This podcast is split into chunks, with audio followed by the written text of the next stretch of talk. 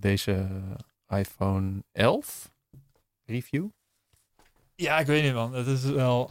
Die, had, die hadden we eigenlijk gewoon even op audio moeten hebben. Kun je het even kort... eh, ja, ik weet niet hoe... Ja, denk je dat het interessant is? ja, we zijn... het Dus, over hebben.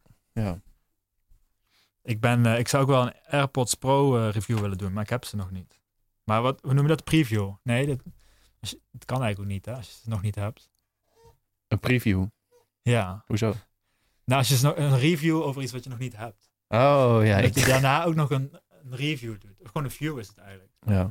Je moet even wat dichter bij de mic. Oh. Oh ja, ik heb het nog niet uitgelegd. Ja, leg Je, het uit. je moet ongeveer een hand tussen je... Oh ja, maar dan zonder hand. Ja, zonder handen. Moet je nu, nu die hand weggaan. En je mag de, de koptelefoon op. Oh ja, dat is wel... En dan kunnen, kunnen we misschien die ook reviewen. Oh ja, Sennheiser. Ja, dat is wel echt een goede noise cancelling eh, headphones. Ik moet ook eh, wat beter articuleren Van wie? van mezelf. Waarom? Omdat ik... eh, Uit, Eind uit Nune Ik kom. kom wel uit Nuenen. Nuenen. Ik praat een beetje binnensmond soms. Maar goed, dat is natuurlijk ook de charme van mijn stem. Nou ja, als mensen er last van hebben, dan moeten ze het wel even laten weten. Oh ja. Dan nemen we het gewoon nog een keer op. ja. Nog een keer op. Of dan eh transcriber het. Dan laten we het iemand eh, gewoon even na eh, voice-over. Oh ja, ja, precies. Dus eerst transcriberen Ja. en dan weer opnieuw. ja, precies. Dat lijkt me wel... eh, Bestaat dat van die software die het, ja zeker alleen in het Engels, die het gewoon transcribeert? Ik zie best wel vaak mensen die een podcast hebben die gewoon de hele tekst hebben uitgeschreven. hoezo? Oh, achteraf, ja. Of is dat gewoon een, Niet eh, een. Fiverr-persoon die dat eh, Ehm, doet? Nou, volgens mij kan het allebei. Ik weet niet hoe goed de, de automatische transcription is. Eh, YouTube doet het ook toch met filmpjes. Dus dat je gewoon Oh, ja. ondertiteling erbij krijgt. Maar die is ook niet altijd perfect, maar dat wordt steeds beter. Ja, nou in Nederlands is het sowieso. eh, Maar ik denk, denk, ja, als ik het zou doen, dan zou ik zeggen van eh, doe het eerst automatisch en laat dan iemand anders het nog fixen of zo. ja, precies. Of iemand die gewoon heel snel kan typen, die het in één keer kan doen. Ik weet niet wat sneller is, maar ja, het kan. Het is wel goed voor SEO ook. Ik denk dat daarom veel podcasts het wel doen. Omdat ze dan gewoon in Google gevonden worden op al die termen die besproken worden. En anders weet Google er niks van. Ja.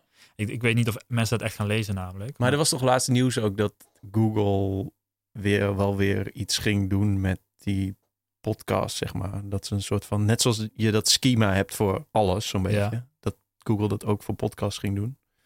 Eh, ja, dat zou goed kunnen, dat weet ik niet. Maar ze moeten uiteindelijk nog steeds eh, weten wat er besproken wordt. Maar ze weten toch ook altijd wat in YouTube filmpjes wordt uitgelegd. Als je bijvoorbeeld een how-to zoekt. ja.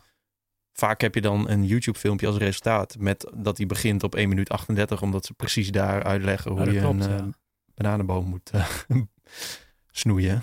Ik weet niet. Ja, ze hebben natuurlijk van YouTube hebben ze heel veel data. Ook waar mensen het afspelen, waar ze stoppen met afspelen. Ja. Ehm, dan zullen ze ook inderdaad wel die eh, transcription op die eh, video's doen. Want dat doen ze al voor de ondertitels. Maar ik weet niet of ze het voor elke podcast op de wereld ook doen. Ja, op een gegeven moment waarschijnlijk wel. Maar nu, zeg maar, als je nu eh, een soort van SEO-juice, of hoe je dat ook wilt zeggen, wilt pakken met je podcast, dan is het waarschijnlijk nog wel raadzaam om dat inderdaad gewoon nog zelf met de hand of, of door een service te laten transcriben. Ik denk dat ze nog niet ver genoeg zijn dat zij alle podcasts automatisch in kunnen lezen, zeg maar. Nee, precies. Maar uiteindelijk gaat het natuurlijk wel komen. Ja, dat, dat denk ik wel, ja. Ik bedoel, ik was het boek van Edward Snowden aan het lezen. Ben dat aan het lezen. Waarin staat dat gewoon... Het heet Permanent Record. Maar ook omdat het gewoon, omdat het gewoon alles opgeslagen wordt. Forever, Ja, zeg maar. Dus ja, dan zal het wel... Want ze, alle podcasts staan online. Dus ja, misschien komt er om, ooit wel een inhaalslag of zo. ja ik denk op een gegeven moment wel. Ik zit nu meer te denken van, stel bijvoorbeeld voor jouw podcast, als je nog meer luisters, luisteraars wilt, dan eh, Ik weet niet of we nog meer bij kunnen trouwens. weet ik ook niet. Misschien zit je al aan de top. ja. Misschien luistert iedereen al. Ja, iedereen Maar ja, dan... die potentieel geïnteresseerd zou zijn, die zou nu, eh, die zou nu luisteren. Nee, dat denk ik niet. Nee, maar wat wil je zeggen? Dan moet ik gewoon voor iedere podcast een, eh, een pagina maken. Ja ik, ja, ik ben wel benieuwd. Ik weet niet hoeveel werk dat is, maar dat, ik zie het wel steeds vaker dat die podcasts dat hebben. En dan in het begin dacht ik ook van, ja, wie gaat dat nou lezen? Maar ja, daar is dus helemaal niet voor bedoeld. En ik denk Nee, dat, precies. dat je op een gegeven moment ook, ehm, als je op dat je een eigen zoekfunctie misschien wilt voor je podcast of zo. Als je op een gegeven moment eh, heel veel... eh, Nee, de laatste twee podcasts volgens mij zeg ik, eh, kijk naar, kijk op ik weet het ook niet.nl. Maar die redirect nou gewoon naar jelmedeboer.nl slash podcast, waar ik Ah, ze ja. gewoon handmatig inpleur. Alleen mijn idee is, maar goed, eh, ik heb natuurlijk niet zoveel tijd, is om dan dat ik weet het ook niet.nl wel echt te maken en dan ook alle gasten zeg maar een soort van ja, klein profiel te geven. Omdat sommige gasten zijn ook vaker geweest. En dat is dan, ja, als je er dan eentje hebt geluisterd, misschien wil je dan nog wel eentje luisteren met die persoon. En dan is dan, of, of onderwerpen, zeg maar, waar het over gaat. Ja, en het probleem met podcast is, het is niet heel scanbaar, zeg maar. Dus als je op je blog kan ik gewoon doorheen scrollen en dan kan ik titels zien en kan ik plaatjes zien en kan ik heel snel door de tekst heen eh, Ja. scannen om te kijken of het iets is wat ik wat gedetailleerder wil lezen. Met een podcast heb jij ook wel samenvatting en de naam van de persoon en zo. Ja, Maar ja. je kunt niet echt door de podcast heel snel heen scannen, zeg maar. Ja, dat, ja, dat kan misschien wel met de podcast spelen of zo. Maar dus, het is inderdaad als jij eh, duidelijker overzicht hebt van oké, dit is dit zijn afleveringen, dit zijn de mensen, eh, dit zijn gerelateerde afleveringen, Ja. dat het dezelfde mensen zijn of vergelijkbare onderwerpen. Dat, dat lijkt me wel tof. En ik denk, jouw podcast is ook niet super, eh, hoe noem je dat? Tijdsgebonden. Dus eh, je hebt het niet per se alleen over nieuws of zo. Dus nee, dat is een waar. aflevering van een jaar geleden is nu net zo interessant als, ja, als een jaar geleden. Ja, precies. Ja, ik zie wel heel vaak eh, andere... Je hebt dus mensen die transcriberen, maar je hebt ook van die timecodes. Ja, ik vind het een heel grappig woord. Ik weet niet, hoe zeg je dat eigenlijk in het Nederlands? Zeg je dat zo? Transcriberen. Is dat echt Nederlands? Transcriberen. Transcriberen. Ja. Ik struikelde net een beetje over het woord. Omdat eigenlijk omdat ik gewoon, ik wil eigenlijk, zeg maar wat je op iOS heb je eh, die automatische spellingcorrectie. Die wil ik eigenlijk ook gewoon in spraak. Ik, want ik, ik praat soms gewoon zo van, oh ja, uiteindelijk, als ik de juiste letters heb, dan komt het wel goed. Zo Ja. is het op iOS, maar zo is het niet in het echt. Maar, eh, dus ik weet niet. volgens mij is dat het. Nee, ik, op mijn eh, studie eh, communicatie wetenschappen had ik het vak. Was het nou? Ges, ja, was gespreksanalyse volgens mij. En dan moest het dan ook gewoon audio transcriberen. Oké, dat is leuk. En toen had ik het grapje transcriberen je expres. Dat wilde ik doen. Ja. Zeg maar dat dat was. Want dan hoefde ik het niet zelf te doen. Maar ja, dat was, dat was wel wel iets vreemder transcriberen. Omdat je dan ook kijkt naar pauzes en toonhoogtes en weet ik veel wat. Ja, oké. En dat is best wel interessant, omdat je heel vaak wel kunt horen aan de toonhoogte of aan de lengte van woorden wanneer een gesprek gaat eindigen. Heel veel, heel veel Ja. hoor je dat bijvoorbeeld bij een eh, telefoongesprek. Dan gaat het helemaal zo, oké, Ja. is goed, oké, doei. Zo. Dus, ja, dus dan klopt. weet je eigenlijk al dat het einde eraan gaat komen. Dat is best wel interessant. Maar ja, Heb je dat ook in andere talen gedaan? Zeg maar talen die je niet sprak? Of je dat dan ook kan horen? nee, volgens wel. mij eh, moesten dat alleen in het Nederlands doen. Maar eh, ja, dat is best wel interessant om, om te doen. Maar wat ik wilde zeggen is dat je dus ook overzichten hebt met tijdcodes van zo deze, deze tijdcode, dan gaat het daarover, dan gaat het daarover. Ja, Wat ja. je dus ook eigenlijk gewoon met YouTube-video's hebt. Ja, inderdaad. Maar dat vind ik een beetje. Kijk, ik, ik haat altijd een beetje. eh, hoe heet het? Ik heb een soort haat-liefde verhouding met SEO. Omdat ik, ik. Ik kan er gewoon niet zo goed tegen dat Google bepaalt hoe jouw content eruit moet zien. Een soort van dat zij de regels maken. Ja. Dat vind ik een beetje irritant. Ehm daar word ik een beetje obstinaat van. Aan de andere kant snap ik ook wel weer, zoals bijvoorbeeld dat schema, dat het, dat het wel handiger is voor de wereld en voor eh, ja, niet alleen Google, maar andere manieren van zoeken en structureren en zo. Ja, ik, ik denk dat je, ehm, die kan er heel ver in gaan. Dus je kunt, eh, daar komt de term SEO uiteindelijk ook vandaan natuurlijk. Eh, dat je het echt gaat optimaliseren voor Google of voor een specifieke zoekmachine. Maar ik denk, hè, dus je kunt gaan zeggen van oké, dan ga ik keyword stuffing doen. Dan ga ik bepaalde keywords zoveel mogelijk gebruiken, zodat ik daarvoor eh, op de eerste pagina van Google kom. Ik denk, Ja. zo, zover zou ik, ja, zou ik zelf ook niet gaan. Maar ehm, ik denk dat het op zich niet verkeerd is om je, je gewoon de content die je hebt, om die een soort van, Op de juiste manier aan te bieden. ja, een soort van leesbaar voor computers of zo. Ja, precies. Maar dat, je, dat is eigenlijk waar SEO oorspronkelijk vandaan komt. En uiteindelijk is het helemaal, eh, ja, door, door marketeers en weet ik van allemaal wie, het is dat zeg maar, eh, extreem eh, getrokken. Zoals altijd met alles, Ja. zeg maar. Ja, maar ja, het is best wel een nobel streven. Zo van, joh, als het een titel is, zet het eventjes eh, als titel neer, zeg maar. Maak even een samenvatting Ja. van wat, wat eigenlijk op deze pagina staat en zo. Ik denk als je ook gewoon als je kijkt naar wat Google zelf eh, zegt wat je moet doen, eh, dan is dat je hebt zeg maar je hebt white hat SEO, dat is dat, dat je het netjes doet en black hat is dat je eigenlijk de stedenregels ingaat, maar dan gewoon voor je eigen Ja. eh, dat je gewoon bovenaan komt staan. Maar wat Google zelf aangeeft, dat zijn op zich wel ja gewoon eh, hoe zeg je dat? Daar zit wel wat in. Dat, ze, zij bekijken het gewoon vanuit van oké, hoe kan onze spider het, het zo goed mogelijk begrijpen. Ja. Ehm, je hoeft niet per se alles te doen wat zij willen. Zij willen ook gewoon dingen die voor hun specifiek voor hun heel handig zijn. Maar ik denk dat ze hebben best veel goede tips die voor elke zoekmachine uiteindelijk. Zeg maar, uiteindelijk is het voor jou ook gewoon beter. En eh, ik weet eigenlijk niet wat- meer wat mijn punt is. Ik zie hier een vork staan, vork 1 en vork 2. Weet jij wat dat is? Ja, Het is iets met de telefoon. Oké. De, de afgelopen paar podcasts zijn we toch een, een paar keer gebeld. Dus misschien dat er straks nog iemand eh, verkeerd is verbonden. Oké. Ja, mensen weten natuurlijk niet waar we het over hebben. Maar Er staat hier een, een mooie ouderwetse telefoon met zo'n krulsnoer. Waarop Ja. mensen kunnen bellen. Ik heb ooit een keer, eh, dat heb ik ook ik, ik heb ooit een keer het nummer gezegd in de podcast. Ik heb ook al een keer gezegd dat ik het nummer heb gezegd in de podcast. In Oh de ja, dat, podcast. dat heb ik gehoord. Ja. Ja, wat heb je? Dat nummer gehoord? Nee, de tweede, Oh, dat ja, je het gezegd hebt. Nou goed, dus het kan dat mensen, dat mensen eh, bellen. Maar eh, om het even af te ronden. ehm, wat dus, wat dus eh, nou ja, volgens mij hebben we al genoeg over gezegd. Over SEO. Gebruik, gebruik je het zelf? Misschien zijn er wel mensen die dit, dit nu lezen in plaats van horen. Die hebben zoiets van, ja, maar het is, ik lees het nu toch. Ja, precies. Maar eh, gebruik ik het zelf. Mensen, in 2024 bedoel ik. Ja, precies. Ja.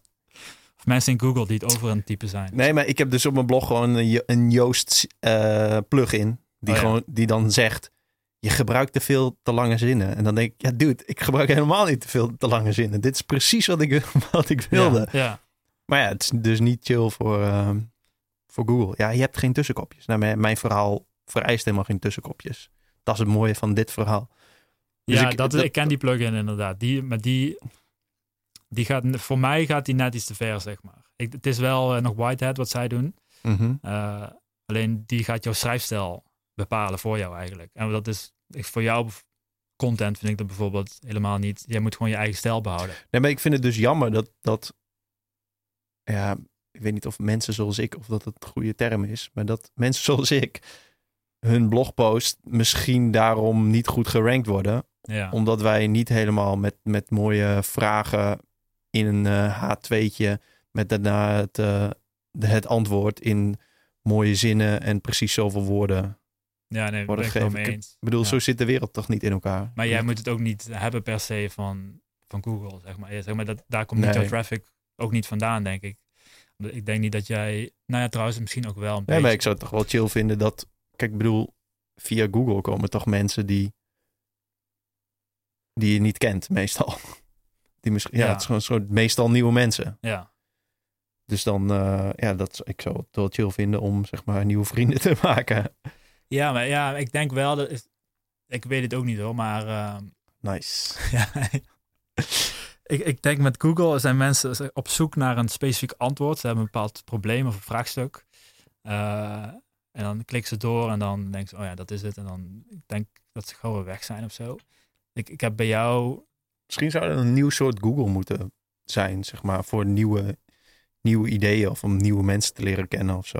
Of veel. Schrijvers, bloggers. Ja, ik denk dat dat dus veel, zeg maar, via via gebeurt. Dus, eh, dus ja, social media. Van oké, tof. eh, ik heb een toffe aflevering geluisterd van Jamers podcast. Eh, die deel ik. Ik weet niet hoe makkelijk je tegenwoordig podcast kan delen. Dat is nog niet zo makkelijk als een artikel. Maar eh, Nou, wel op Spotify. Dus als mensen dit luisteren op Spotify, dan kun je Ah, gewoon oké. eventjes eh, share this op Instagram Stories. Maakt die zo'n mooie kaart van. Ah, oké. Oh ja, nou, nou, dat soort dingen. Ik denk dat het, ja, jij hebt er eigenlijk meer verstand van dan ik natuurlijk. Maar ik kan me voorstellen dat je op die manier meer een soort van betere, hoe noem je dat? Leads. Ja, dat is echt een heel sales eh, term. Maar gewoon nieuwe luisteraars krijgt dan mensen die eh, op Google zoeken naar, ja, ik weet niet wat, wat ze zouden zoeken. Nee, maar ik bedoel meer dat als ik als ik wil, ehm, ja, noem eens een onderwerp. Ehm, ik wil ehm, een blogger vinden die eh, een gids is in een safaripark of zoiets. Ja. Hoe zou ik dat? dat zou, ik, ik zou daar graag een soort van index voor willen hebben. Een index van personen die blogs hebben of podcasts of zo. Ja, oké. Je had vroeger wel, eh, met wel heel specifieke blogs. Je had vroeger een zoekmachine voor blogs. Eh, en dan doorzocht je ook de post. Ik ben de naam even kwijt. Maar dat was wanneer Web 2.0 zeg maar opkwam. Dus dat is tien jaar geleden of zo. Ja. Ehm, Web, Maar- Web 2.0. Wat, ja, wat is dat? Voor de luisteraars. Ehm, ah, dat is ook een hele goede vraag. Dus je had vroeger had je, je had al websites, eh, die bestaan al lang, dat weet iedereen. Maar op een gegeven moment was er een bepaalde aantal trends of zo die samenkwamen. Eh, en dat werd toen Web 2.0 eh, genoemd, omdat de eh, internetsnelheden werden hoger. De browsers konden langzaamaan steeds meer. Dus je kreeg op een gegeven moment websites met zeg maar ronde hoeken, gradients, eh, drop shadows. eh weet je, die stijl, dat was vroeger niet echt. Want het was ook heel moeilijk om dat in, in HTML en CSS te maken. Eh, CSS had je in het begin ook niet helemaal, eh, had je niet echt. Maar goed, op een gegeven moment kwamen al die technologieën samen. Dus toen kreeg je Web 2.0 en wat er ook onderdeel van was, is dat je steeds meer... Ja, dat was eigenlijk het begin van social media. Dus vroeger had je gewoon statische websites. Misschien Was ook je iedere pagina voor iedereen gelijk, zeg maar. eh, ja, het was niet echt gepersonaliseerd. Ehm, je had geen Ajax, dus ja, wel de voetbalclub, maar niet, niet de technologie. Dus dat betekent eigenlijk dat gedeeltes van een pagina interactief kunnen zijn. Dus dat je, als je een comment plaatst ergens, dat die niet heel de pagina ververst, maar dat je gewoon jouw nieuwe comment ziet verschijnen, zeg maar. Dat was vroeger allemaal niet. Het was allemaal meer van de hele pagina eh, is één ding. En als je dan iets ergens op klikt, dan eh, misschien had je nog een pop-over een minuutje of zo. Maar als je iets nieuwe content in de pagina wilde zetten, moest je echt heel de pagina verversen. En dat in die tijd ehm, begonnen die mogelijkheden te komen. En dus ook social media, dus dat mensen meer, eh, eh, als, dat gebruikers, dat lezers ook mee konden doen, zeg maar, met, met, met likes en upvotes en comments en eh, user profiles. Ehm, en en ja, dus dat, dat was een beetje Web 2.0 tijdperk. En waar hadden we het net over? Web Over, bl- over bloggers zoeken. ja, precies. Dus blogs waren toen eigenlijk ook in, in opkomst.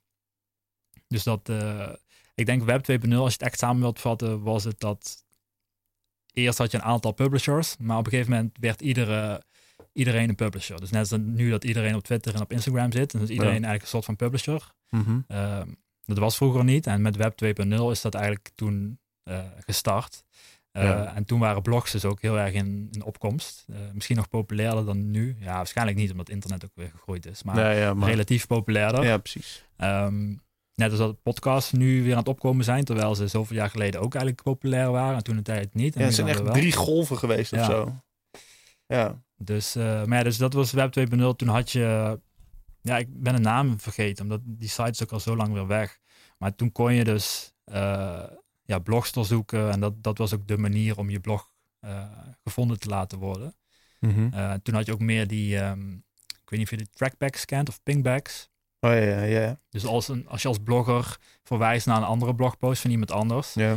dat bij hun, eh, ze hebben dan comments onderaan een artikel staan. Ja. Maar eh, wat je dan ook had, waren die ja, pingbacks, heette dat geloof ik. Dat je onderaan een blogpost kon zien welke andere blogpost over die blogpost geschreven werd. Dus wie Ja. het ernaar gelinkt had eigenlijk. ja, klopt. Eh, dat was eigenlijk heel tof toen die tijd. Maar ja, op een gegeven moment gaan dan weer die marketeers... Je mailen. Nou ja, die Kun je misschien een linkje even... Nou ja, die gaan dus, die kregen die pingback spam. Dus dat, dat mensen allemaal blogs gingen schrijven over populaire blogs, zodat ze eronder bij kwamen te staan. Maar dat was Oh, gewoon spam manier, eigenlijk. Ja, ja. Dus dat is, toen is dat weggegaan. En met comments, ja, een beetje hetzelfde. Dat werd op een gegeven moment ook gewoon één groot spam eh, festijn. Ehm, Ja. maar ja, dus ik weet niet wat mijn punt is. Maar ja, dat, het is inderdaad, het komt wel met golven terug. Inderdaad, podcast, blogs, eh, newsletters. Oh ja. Ja. Dat is ook wel weer hoe, hoe, hoe dat zeg maar een soort van... Ja, nog steeds gewoon populair is. Ja, Weet je waarom? Omdat het gewoon autonoom is. Je Ja. niet, ja, maar dat is toch... Je hebt, je hebt niet iemand nodig. Het is, het is meest directe contact, zeg maar. Je gebruikt geen platform. Je gebruikt alleen een soort eh, protocol. Ja, ja, dat klopt wel. Het is wel, mensen waren een beetje bang toen eh, Google op een gegeven moment met Gmail die vier tapjes introduceerde. Oh ja, Ik weet even niet meer hoe het heet. Ik heb zelf nooit aangehad eigenlijk. ik ook niet. Ja, promotion, social. Ja, weet ik veel. Ja, precies. en Dus, gewoon. dus geautomatiseerde e-mails, eh, dus, dus aanbiedingen, maar ook nieuwsbrieven. Die eh, kwamen in een soort eh tweede rangs tabplaatje. En dat Ja. is nu volgens mij nog steeds zo.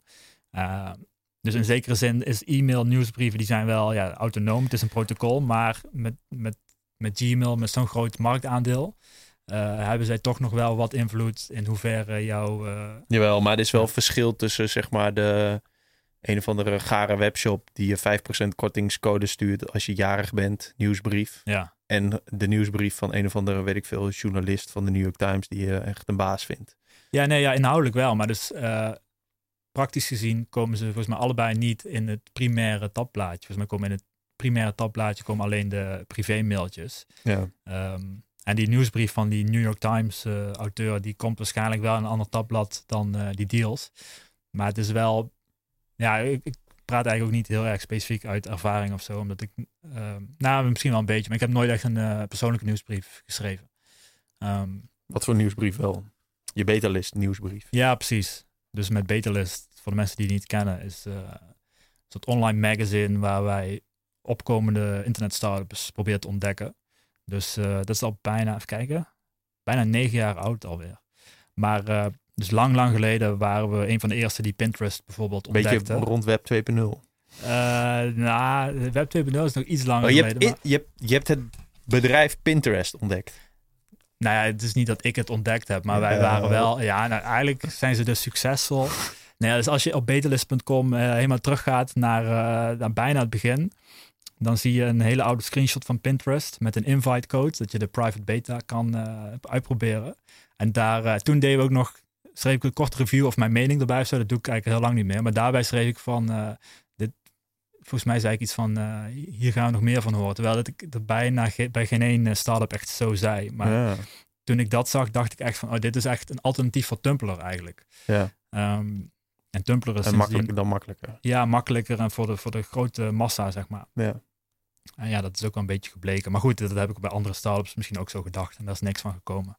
Maar dus dat is één voorbeeld ehm, van... eh nou, we hadden, over, we hadden over die nieuwsbrief van mij inderdaad. Dus dat is een nieuwsbrief dat we dagelijks eh, vijf startups, vijf startups waar je nog niet van gehoord hebt, zeg maar uitlichten. Mhm. En ehm, Wat is het verschil met Product Hunt? Ehm, ik denk dat wij. eh, nou, we zijn dus een stuk eerder begonnen. En zeg maar, waar onze focus op ligt, is echt early stage. Dus eh, de naam Betalist, die komt oorspronkelijk ook van. ehm, zeg maar, als je een nieuwe start-up hebt, dan hebben ze vaak een landingpage met een soort eh, e-mail subscribe form. Ja. Ze zijn nog niet, niet klaar voor jou, maar ze zeggen van Ze hebben wel iets vets. ja, van hè, we zijn aan die stofs aan het werken, maar ja, we hebben binnenkort beta-testers nodig Oh ja. laat je e-mailadres achter. En die, daarmee bouwen ze eigenlijk een e-maillijst op. Ja. En dat werd wel een uh, beta-list Oh, daar komt het dus... Oh, op die manier. Veel mensen denken van, oh ja, het is, het is eh, een lijst van beta's, startups die in beta zijn. Of Ja. beta, beta, zoals je in het Nederlands eigenlijk zegt. Ehm, dat die, die beschrijving werkt ook. Maar oorspronkelijk komt het dus gewoon van, ja, die mailinglijst, die werd een eh, beta-list genoemd. En mensen vinden dat tof omdat het, dan, omdat het gewoon nieuw is. Een soort van Neomania. Ja, ik denk, er zijn een aantal verschillende type bezoekers of, of ja, mensen die betalist lezen. Dus je hebt gewoon mensen die het tof vinden om nieuwe apps te ontdekken. Mhm. Eh, deels omdat ze gewoon geïnteresseerd zijn in technologie of dat ze een beetje populair willen doen van ik heb eh Ed Jelmer. Ja, misschien is dat voor jouw naam ook niet zo heel moeilijk om een username te krijgen. Nee, oh ja, ik heb het een keer over getweet. Ja. Als je, je kunt de nerd herkennen als ze gewoon de Twitter-handle eh, van alleen hun voornaam hebben. Precies, ja. Dus bij Twitter was ik te laat. Ehm, Ik ook. Uh, ja, dus dat is, dat is dan een beetje jammer. Maar dus toen ben ik op een gegeven moment Betalist gestart. En dan kun je dus wel je, gewoon je voornaam. Of ik heb soms ook gewoon de letter M. Ja. Als dat, vaak kan dat niet, maar één letter. Maar als het wel kan. heb ik bij Bunk. Bij mijn betaald. Oh ja, klopt. Ja. Even promo. Wat is het? Bunk.me slash uh, j of zo. Ja, precies dat. Ja. ja. Ik dacht het even uit, mensen. Ik, ja. ik zag uh, toen ze dat gingen doen, toen dacht ik, ja, dit is mijn kans. Dit is mijn kans om gewoon zo kort mogelijk. En toen dacht ik, yes. Dat is maar goed. tof, ja. Maar, um, maar dat zijn een soort van mensen met FOMO dan? Zodat ze denken van, Ja, dat shit man, straks wordt dit groot, dan moet, ik, dan moet hij bij zijn. Beetje FOMO, een beetje populair doen van, eh, hey, ik heb eh, toegang tot de private beta. Wil je ook toegang? Dan, ik heb nog één invite. Oh, ja, die, ja, eh, die shit. En je hebt ook gewoon investeerders die gewoon op zoek zijn naar ja, investerings, wat noem je dat? Opportunities, gewoon start-ups. En hoe eerder je erbij bent, hoe beter. ja. Ehm, want dan kunnen ze alvast een relatie opbouwen. Eh, en je hebt ook gewoon andere start-ups, andere founders die benieuwd zijn van ja, wat, wat doet de markt, waar zijn mensen mee bezig? Ja. Eh, een stukje inspiratie. Of, of misschien mensen die een start-up willen joinen, die, die werk zoeken. ja. Eh, ik heb later ook een vacaturesite eraan toegevoegd. Ehm, ja, dat is, dat, dat is de reden dat mensen op Betelist kijken. Ehm, ja, dat is nu al bijna negen jaar. Ik ben dat in december 2010 eh, begonnen. Ja. Maar wat doe je er nog aan? Hoe werkt zoiets? Hoe, hoe houdt dit zich, zeg maar, hoe blijft dit in beweging? Dus toen ik het startte, ehm, nou, dat is ook misschien ook nog wel een leuk verhaal, maar dat is misschien iets te lang voor nu. Maar dus, Wat dan? Dit is een podcast. We zijn nog maar eh 25 minuten bezig. oké, ja, wil je weten hoe het gestart is, Ja. waarom, ik het gestart ben, dan Ja. eh, nee, dat is altijd wel een leuk verhaal, denk ik. Maar eh, oh ja, dus, dat was 2010 eh, november, dus dat is echt ja, negen jaar geleden. Toen was ik bezig met een andere start-up. Open Margin heette dat, met eh, twee klasgenoten. En eh, dat was een e-reader app. eh, uiteindelijk voor de iPad. In het begin toen we startten was de iPad er nog niet. Maar dat, uiteindelijk werd dat een e-reader voor de iPad. Dus dat je een boek kan lezen. Maar dan wat, het, wat er speciaal aan was, is dat je notities in de marge kon maken. En die kon delen met andere lezers van hetzelfde boek. En daarmee Ja. werd elk boek eigenlijk een soort kleine community rondom ja, het onderwerp van dat boek. Dus je kan elk willekeurig boek openslaan en daar like minds, zeg maar, Mhm. mensen met eh, vergelijkbare interesses ontmoeten en dan over het boek discussiëren op, op paragraafniveau. Dus Ja. niet geen reviews, maar echt op, op de tekst. Eh, dus dat was toen het concept.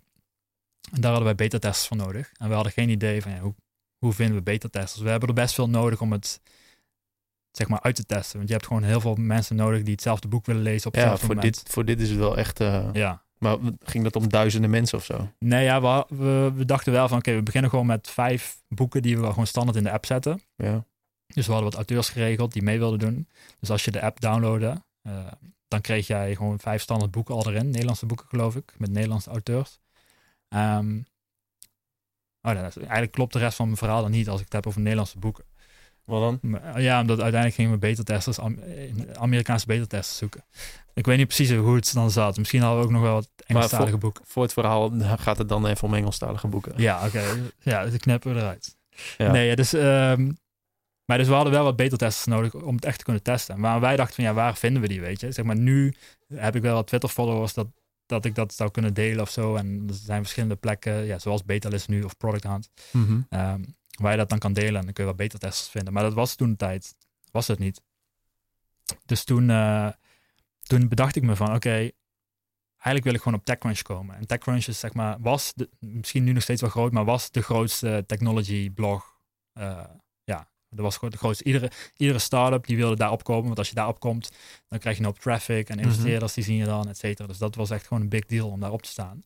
Net zoals het nu misschien is met, eh, met Product Hunt. Maar ja, eigenlijk nog groter, want op Product Hunt komen nu, eh, weet ik veel, 20 startups elke dag. En eh, vroeger bij TechCrunch was het misschien drie elke dag of zo, zeg maar. Maar heeft TechCrunch dan ook een soort van ranglijst van nieuwe startups? Of is het gewoon dat je in een artikel verschijnt? Het waren maar? gewoon artikeltjes, ja. Ja, precies. Ja. Dus dat is ook, ja, hoe noem je dat? Meer een big deal, een bigger deal dan, eh, dan gewoon in een lijstje staan. Ja, want Product Hunt kun je gewoon jezelf uploaden, toch? Ja. Dus, en dan sta je er altijd op? Of moet je ook nog goedgekeurd worden? Eh, bij Product Hunt dan kom je sowieso op de site, maar je komt alleen op de frontpage als genoeg mensen jou upvoten. ah, oké. Ja. Bij- Bij Betalist hebben wij het wel zo dat wij het gewoon manual curaten. Ja. Ehm, dus je vult je gegevens in en dan eh, mijn collega die checkt elke dag van oké, wat zijn de tofste startups die zich hebben aangemeld afgelopen dag. Mhm. Daar kiezen we de leukste uit en die, eh, die featuren we op de, op de site en in de nieuwsbrief. Ja. Ehm, maar om even terug te komen op eh, dan hoe het gestart was. Dus we, we hadden beta-testers nodig voor die iPad-app. Toen dachten we eigenlijk van, of ja, ik dacht van, ja, we willen eigenlijk op TechCrunch komen. Ja. Maar dat lukt niet als je nog niet echt een werkende app hebt, want dat hadden we nog niet echt. We hadden alleen een landingpage met, eh, ja, met zo'n e-mailformuliertje. Mhm. En dan, ja, dan kom je gewoon niet op TechCrunch. Tenzij jij investering hebt of, of een bekende oprichter bent of zo. Maar dat, Ja. voor ons was dat niet weggelegd. Maar wat ik me wel bedacht is van, oké, ehm, ik dacht eigenlijk twee dingen. Van aan de ene kant, misschien is dit hier iets, zit hier een soort van uh, behoefte van, uh, van start-ups om in een vroeg stadium al, al, publiciteit te krijgen voor wat beta-testers. Die willen mm -hmm. niet super veel publiciteit, maar je wilt wel gewoon het kunnen beta-testen. Ja. Um, en volgens mij is er ook een behoefte bij early adopters die gewoon graag willen beta-testen. Die willen alvast die app downloaden die nog niemand heeft. En waar, ja, waar we het net over hadden, die willen alvast een, een gebruiksnaam registreren. Ja. Dus ik dacht van ja, daar zitten eigenlijk twee behoeftes die je aan elkaar kunt koppelen. Um, dus ik dacht, oh, daar ligt een kans. En tegelijkertijd dacht ik ook van, oké, okay, ja, dat zo'n soort platform waarbij je die twee partijen koppelt, dat is eigenlijk heel makkelijk te maken. Want dat is gewoon een blog waar je de startups op post. Mm -hmm. Super simpel. Um, dus dat kan ik binnen een weekend maken. Gewoon een eerste versie. En die kan ik naar TechCrunch toesturen. Dat is wel iets waar ze over zouden kunnen schrijven. Want dat, werkt, dat, zeg maar, dat is al iets wat werkt en wat hun lezers kunnen gebruiken. Mm -hmm. um, en dat is ook een hele goede match met hun lezers. En ik dacht van, oké, okay, als ze daar nou over zouden schrijven, dan zou ik mijn eigen start bovenaan kunnen zetten. En alsnog al die TechCrunch bezoekers krijgen. Dus dat Ja. was een soort van, uh, dat was het plan, weet je. Maar ik dacht van, ja, waarschijnlijk gaat het niet werken. Maar gewoon proberen. Als het niet werkt, heb ik nog steeds wel gewoon een leuk site erbij gemaakt. Ja. In een weekend. Dus dat deed ik ook gewoon letterlijk in een weekend. Dat was ja, volgens mij uh, uh, eind november of zo. Uh, 2010. En ik heb het gewoon in, echt letterlijk in een weekendje in een Tumblr pagina gewoon, uh, dan pak je zo'n template en die pak je, pas je de kleuren aan en je, je verzint een logootje. Mm -hmm. Je registreert een domeinnaam. Uh, betalist.com was al bezet. Uh, dus toen dacht ik van, oh ja, dan pak ik betalist met een punt voor de S. Dus dan heb je eigenlijk .st als extensie. Mm -hmm. Dan heb je betalie.st, dat is een soort domain hack. Dat was vroeger populair. Ja. Uh, dat is ook wel leuk.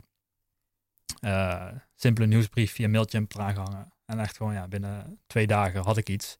Maar je, hebt, je had toen direct, direct ook al wat beta's, beta's. Ja, die had ik gewoon online een beetje rondgezocht. Uh, op uh, Hacker News had je er ook een aantal staan. Oh ja. uh, zeg maar, dat was op zich niet het probleem. Ik had er denk ik iets van drie of vier gewoon gevonden. En daar had ik zelf gewoon een tekstje over geschreven. Oh, je hebt helemaal geen contact gehad met die mensen die het maakten? Nee, ik dacht van, nou, die vinden het vast wel prima als ik hun publiciteit geef op mijn blog die geen bezoekers heeft. Maar Ja. nee, dat is iets wat, wat mensen, dat vinden mensen gewoon tof als je over iets over ze schrijft. Ook al, uh, ook al heb je geen bezoekers. Dat, nee, precies. Dus dat, dat was geen probleem. Uh, en toen heb ik TechCrunch een mailtje gestuurd waarbij ik het echt vertelde alsof dit echt al een plan was en uh, een platform zou worden en bla bla bla. Een beetje iets groter verteld dan dat het eigenlijk gewoon was. Mm -hmm. um, maar nog wel relatief kort, gewoon heel, heel beknopt. Want ik wist wel, zeg maar, dat is weer een ander verhaal, maar met een andere start-up, echt mijn eerste start-up, uh, wist ik wel hoe je de pers moest uh, benaderen, omdat het een press release tool was, maar dat is mm -hmm. iets anders. Maar dus ik uh, heel beknopt aan naar TechCrunch geschreven van, oh ja, dit heb ik gemaakt, misschien leuk voor jullie publiek. Toen kreeg ik een aantal dagen een mailtje terug van, zou je iets meer informatie kunnen geven? Want dit, ja, hier kunnen we niet van mee. Ik dacht van, oh, was dat ook de reden waarom die andere start-up uh, het niet is geworden? Of is het er... Dat hadden we niet eens geprobeerd, want oh. we wisten gewoon van, ja, dat, dat wordt het niet. Uh, dus ja, ik heb ook ik, iets meer informatie gegeven. Uh, en toen had ik eigenlijk niet meer echt bij stilgestaan. Toen was ik gewoon andere dingen doen. Het was ja, december, het was rond mijn verjaardag. Ik weet niet, was er even niet mee bezig. En toen was ik op een gegeven moment was ik in de stad. En nee, nee, nee. Ik, ja, ik, ging, ik, kwam terug van de stad, ik zat in de bus. En ik check mijn telefoon en ik zie iets van duizend ongelezen mailtjes. Ik dacht, shit, ik word gespamd of zo, weet je. Wat is dit? Dus ik, ik open mijn e-mails. Ik zou checken van, ja, wat is dit? En ik zie van van Twitter, allemaal mailtjes van Twitter. Ik zeg, huh? You have a new follower, you have a new follower. Dus oh, per... dat je niet eens uit, uitstaan. Nee, ja, toen kreeg ik per follower kreeg je een mailtje. Ik weet niet of het nu nog steeds is. Ja, nu heb ik het allemaal uitstaan, maar... Ja, misschien kun je dat nog steeds wel aanzetten, ja. Maar dat was voor, voor het Betelist uh, Twitter-account. Oh. Dus toen dacht ik, oh shit, wat is hier aan de hand? En toen, oh ja, oké, okay, uh, ik TechCrunch checken. Ja, ik sta op TechCrunch. Oh, dat eigenlijk niet verwacht. Ondanks dat ik dat ene mailtje wel van hun had gehad. Mm -hmm. Maar ze hadden een heel artikeltje geschreven. Dus ik uh, onderweg naar huis. Ik zei, shit, ja, ik moet naar huis, ik moet naar huis in de bus, kwam thuis, uh, vlug die, die eigenlijk e-reader app bovenaan gezet, zodat wij gewoon bovenaan stonden. Oh, die stond er niet? Nee, want ik dacht van dat, dan is het misschien iets te duidelijk of zo, oh, weet je. Ja. Ik weet niet, dus die stond nog niet bovenaan, dus die heb ik vlug bovenaan gezet. Uh, en dat is trouwens wel grappig, want eigenlijk is het gewoon een soort list. Maar dat is dan ook wel leuk met de naam Beta List in het Nederlands. Mm -hmm. Daar kwam ik later achter. Ah. Maar eigenlijk is het ook een list of zo geweest. Uh, nice. Dus ja, toen, toen, toen kwamen al die TechCrunch bezoekers en die klikten Klinkt wel als een Dan Brown uh, novel. De beta list. ja. Maar ja, goed. Eh, toen kwamen inderdaad al die bezoekers, die, die klikten door naar, uh, naar onze e-reader app en die, die melden zich aan. En dat, was allemaal tof, dus op een gegeven moment heel veel beta-testers. Maar mensen bleven ook terugkomen naar betalist. En dat had ik niet verwacht, want normaal gesproken als je op iets als TechCrunch komt, dan krijg je één dag heel veel traffic en dan de volgende dag is het allemaal weg. Mhm. Maar bij mij, bij mij bleef ze terugkomen. Ook omdat ik een e-mail nieuwsbrief had, een dagelijkse nieuwsbrief en een Twitter-account en dergelijke. Ehm, en dat het gewoon een hele goede match was met het met TechCrunch publiek en mijn eigen publiek met Betalist. Mhm. Dus die mensen bleven terugkomen. En uiteindelijk is uh, die e-reader uh, startup, dat is uiteindelijk niet, niet gelukt. Dat hebben we een paar jaar geprobeerd, maar dat, dat kwam gewoon niet van de grond. Ik heb het wel voorbij zien komen, maar dit is 2009 tot? Uh, dus dit, waar het verhaal van nu gaat over 2010, dus negen jaar geleden. maar dat zijn wel iets dat zijn we wel voor 2010 al begonnen. Dus dat zijn we, ja, denk ik wel in 2009 begonnen. Ik weet niet hoe jij dat dan opeens net wist. Maar inderdaad, 2009 zijn we begonnen. Oh, dat weet ik niet. Nee, uh, en dat zijn we ja, tot wanneer? Of misschien zijn we dan in 2008 begonnen trouwens. Ik weet, ik weet niet precies tot wanneer. Volgens mij zijn we er drie jaren mee uh, in de weer geweest. Maar wat, hoe, hoe is dat uiteindelijk... Uh... Gefaald? Ja. ja. Ja, dat mag je wel zeggen. Of is het is er nu een andere app die deze functionaliteit heeft? Want je ziet op Kindle natuurlijk wel hoeveel mensen iets gehighlight hebben. Dat is iets wat erop lijkt. Het was grappig. We waren bij de Next Web uh, Tech Conference hier in Amsterdam. En um, we spraken de CTO van Amazon. Dat is een Nederlander. Oh ja, weet je ook weer. Uh, Werner Vogels, geloof ik. Maar wanneer was jij daar? Want, of is hij er ieder jaar? Want ik was toen ook bij de Next Web toen hij een praatje ging houden over... Uh... we hebben Open Margin ook, dat is de e-reader app. Die hebben we ook onstage daar gepresenteerd. Dus dat was uh, ja, 2009, 2010 ook. Inderdaad, ah, en ik denk dat ik het toen niet was. Nee. Maar uh, dus uh, we spraken hem even en hij zei van ja, ik denk niet dat. Ik denk dat het een heel klein publiek is. Amazon gaat het nooit doen met die social features en zo. En wij mm -hmm. van, oh ja, jammer of gelukkig, ik weet niet precies. maar ja, inderdaad, een aantal jaar later kwamen ze met popular highlights en dat soort dingen. Dus ja. dachten wij van, ah shit. Of een jaar later of zo, zeg maar best snel. Maar zij, uh, Kindle heeft inderdaad, je kunt bij de Kindle zien wat de populaire highlights zijn. Dus wat andere mensen ook gehighlight hebben. Ja, ik vind dat is best wel kut eigenlijk. Of zo. Omdat je dan daar superveel aandacht aan geeft. Ja. Nu moet ik even goed opletten wat dit, wat dit zinnetje is. Ja, en precies. Of je, je denkt gaat, van ja, ik vond het eigenlijk zelf niet zo heel interessant. En je gaat het dan toch iets? ook zelf highlight. Denk je van ja, ja. iedereen doet dit. Dan, Ja. Maar dan wordt hij dus, dat is een beetje het probleem van internet. Dat populariteit wordt beloond met extra po- populariteit. Ja. Maar dat is met heel veel dingen natuurlijk. Ja. Dat is in de muziekindustrie ook. Zeg maar, de populairste artiesten die krijgen meer aandacht. Dus het wordt nog populair. Dat is gewoon die, Ja. eh, die power loss of zo. of Hoe Ja. noem je dat? Maar inderdaad, op internet heb je dat ook heel erg. Maar dus, eh, ja, Kindle, Amazon, die, die eh, eh, hebben een beetje van die sociale e-reading eh, features, maar niet heel uitgebreid. Je kan niet echt iemand anders tegenkomen. Het is heel anoniem ook. Maar ze hebben wel Goodreads. Eh, ja, Amazon. dat hebben ze inderdaad een keer gekocht. En dat, maar dat is weer meer, gaat over het hele boek. Dus dat zijn meer reviews over het hele boek. Ja, maar ik bedoel meer, zeg maar, ze hebben het landschap al wel gecreëerd voor zoiets. Dus dan is dat, is dat dan de Ja. conclusie dat Open Margin gewoon eh, nooit, nooit iets gaat worden of zo. Nee, het probleem was wel, of het- ik denk een van de grootste problemen waar we tegenaan liepen, is dat het gewoon, Amazon heeft een eh monopoliepositie.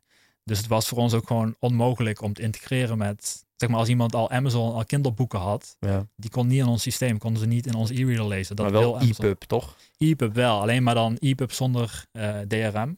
Dus onbeveiligd Oh EPUB. Ehm, dus ja, dat, dat was heel lastig. En de, meeste mensen die eh, hebben gewoon de Kindle eh, boeken.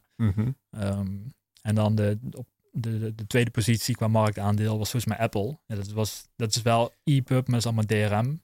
Oh, ja. Dus dat konden wij ook Dat is niks mee. iBooks toch nog steeds? Ja, iBooks. Maar dat, de, de bestanden zijn volgens mij EPUB bestanden. Maar dan, die kun je alleen lezen binnen... Ik zou dat moeten weten. Je hebt ook .mobi. Ja, dus dat is wat Amazon heeft inderdaad. Oh, en dat wordt een... Dat kan, eh, of zeg ik het goed? Nou, dat zeg ik niet helemaal goed. Ehm, Mobi is volgens mij wel een open standaard. Maar Apple, of sorry, eh, Amazon heeft daar een soort van eh, eigen Oh, ja, ja, versie ja. van eh, gemaakt. Want mijn boeken bied ik aan als pdf, .mobi en .epub. ja. Volgens mij inderdaad, je Mobi kun je gewoon naar je Kindle sturen. ja, klopt. Op, je kunt op de Kindle zelfs geen EPUB. Terwijl EPUB is eigenlijk de MP3 van de boeken. Ja. Maar, MP, maar dan eigenlijk nog opener, want MP3 was in het begin eh, zeg maar geen open standaard. Mhm. EPUB wel, dat kan, dat zijn gewoon, zijn gewoon HTML-pagina's Ja. in een zipje. Dus als, je, als mensen het thuis leuk vinden, kunnen ze een EPUB uh, bestandje renamen naar .zip. En dan kun je het gewoon unzippen. En dan kun je gewoon de bestanden zien, de HTML-pagina's. Ah, nice. Um, maar uh, ja, je kunt op een Kindle zelfs geen EPUB lezen tegenwoordig. Nog steeds niet. Maar je kunt wel je EPUB omzetten naar Mobi. Ja. Maar goed, dat is allemaal niet zo heel boeiend. Maar dus het is heel moeilijk om te innoveren in die markt. En ja, het is ons niet gelukt. Er zijn nog een aantal andere partijen die het geprobeerd hebben. Uh, Readmail was op, op een gegeven moment ook, tenminste, geen grote, maar um, een, een, populaire app. Die, die, zat heel sterk in elkaar. Ja. Um, die is overgekocht door Dropbox. En toen na een aantal maanden is dat product weggegooid. En is dat team gewoon aan Dropbox gaan werken. Dus dat was gewoon Equihire. Kunnen we even een zijstap uh, nemen hier? Ik lees het al vaker dat zeg maar, bedrijven of apps of startups of dingen worden gekocht door een groot bedrijf. En dan na een paar maanden gekild, net zoals dit. Ja. Zeg maar, wat is daar zeg maar, de, de rationale achter? Ik, ik denk in de meeste gevallen is het uh, product uh, of het bedrijf niet levensvatbaar. Uh, het team kan geen investering meer ophalen.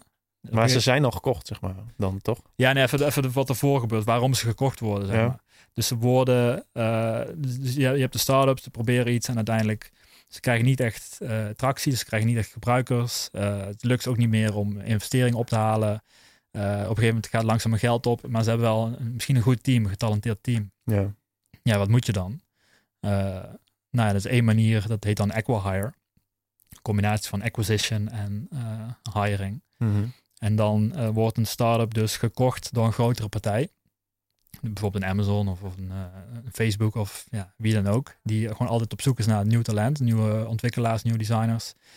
En die kunnen dan in één keer een soort team opkopen wat al ingespeeld is op elkaar. Die al mm -hmm. bewezen wel misschien een mooi product kunnen maken of, of, of iets wat technisch goed in elkaar zit. Uh, maar waar misschien geen markt voor is. Maar dat is wel gewoon een getalenteerd team. En zo'n zo'n Amazon die kan dan in één keer bijvoorbeeld 10, 20, 30 uh, man uh, hiren. Hoe zeg je dat in het Nederlands? Aane aannemen. aannemen. ja. ja.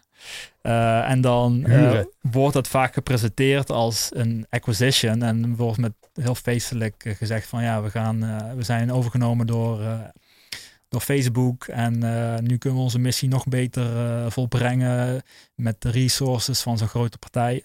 maar wat je meestal, of in ieder geval vaak ziet, is dat het product wat zij dan maakten gewoon ja, weggaat. Uh, soms zie je nog wel dat dat team dan werkt aan een nieuw product wat vergelijkbaar is. Dus dat ze wel hun kennis die ze opgedaan hebben ja, kunnen dat een soort benutten. feature wordt van... Uh... Ja, maar heel vaak is het ook gewoon dat ze aan heel iets anders gaan werken. Maar de reden dat het dan... Dus eigenlijk is het, de start-up is gewoon gefaald. Nou goed, dat, dat is prima. Zeg maar, een start-up is per definitie uh, ambitieus. Mm -hmm. En iets wat ambitieus is, dat is ook gedoemd te falen eigenlijk. Of tenminste niet gedoemd, maar dat, die kans is groot zeg maar, hoe ambitieuzer je bent, hoe groter de kans is dat je faalt. Dus falen ja. is totaal niet erg. Dat hoort er gewoon bij. Maar dat wordt dan toch uh, ja, eigenlijk verpakt of verbloemd als iets moois. Omdat het dat een beter verhaal is voor de, de start-up die overgenomen wordt, zeg maar. Ja, je hebt geen gezichtsverlies. Precies. En voor de investeerders ook. Behalve uh, nu mensen deze podcast luisteren. Nu denken ze, ha. Ja. Ja. Ja, dus als jij uh, als je nieuws leest van acquisition en uh, vaak zit er ook nog wel een mooi getal aan vast. Maar ik dacht juist dat het ook wel weer cool was en vooral in een soort van VS uh, retoriek en cultuur dat het cool was om een paar keer op je bek te zijn gegaan, zeg maar.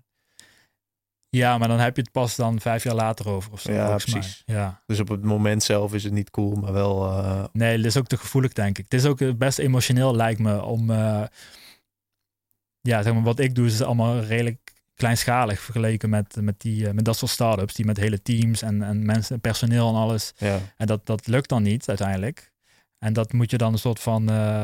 Ja, het is net als iemand, als iemand overleden is, dan moet je ook eerst van erkennen of zo. Hoe zijn, wat zijn die fases? Maar je hebt gewoon, ja, precies, je hebt ja, gewoon een aantal van die fases. En denk ik. En uh, mensen zijn nog niet bereid om te. Om, de meeste mensen zijn niet bereid om gelijk toe te geven van ja, het is gewoon niet gelukt. Af en toe zie je het wel.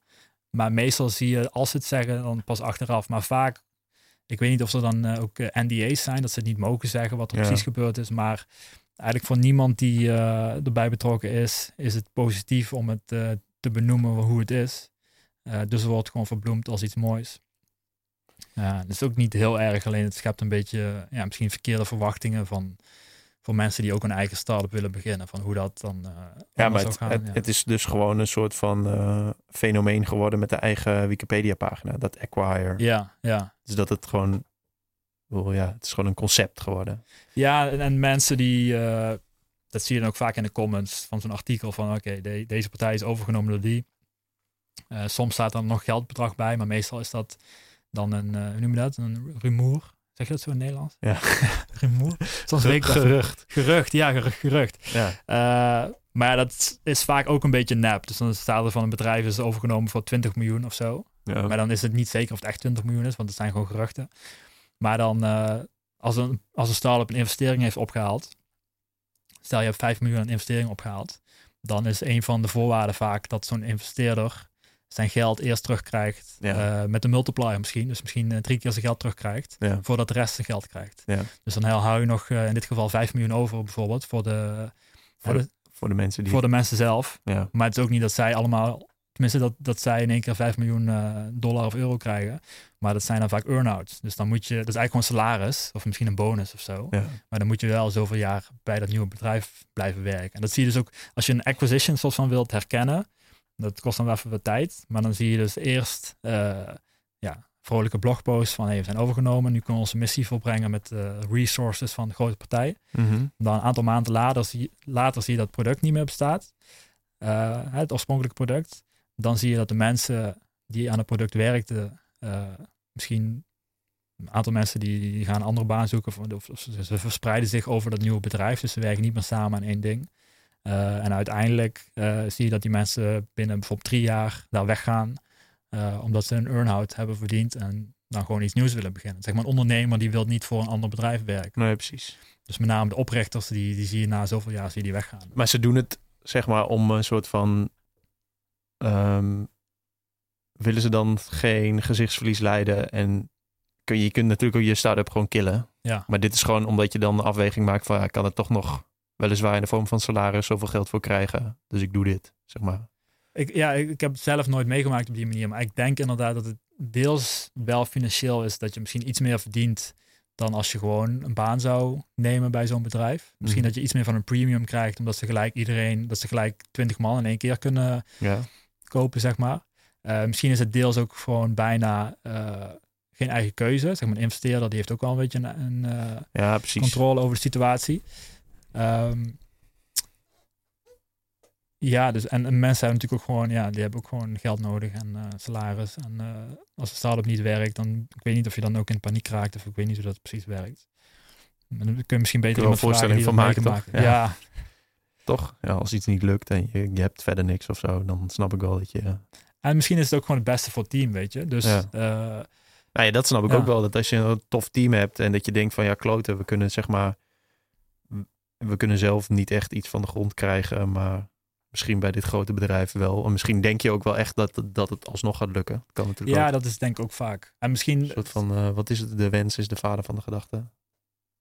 Weet niet. Nou, Zoiets. klinkt wel goed. Ja. Maar ja, dus, ja, dat zal het ook wel zijn. En het, soms lukt het ook. Dus dan, hè, dan, dan wordt zo'n product wat overgenomen wordt, wordt ook gewoon ge, uh, geïntegreerd in het bedrijf. Of dat blijft ook gewoon een bestaand product. Mm -hmm. uh, ja, vaak ook niet, maar ja, soms ook wel. Dus uh, wat is nou een. Ja.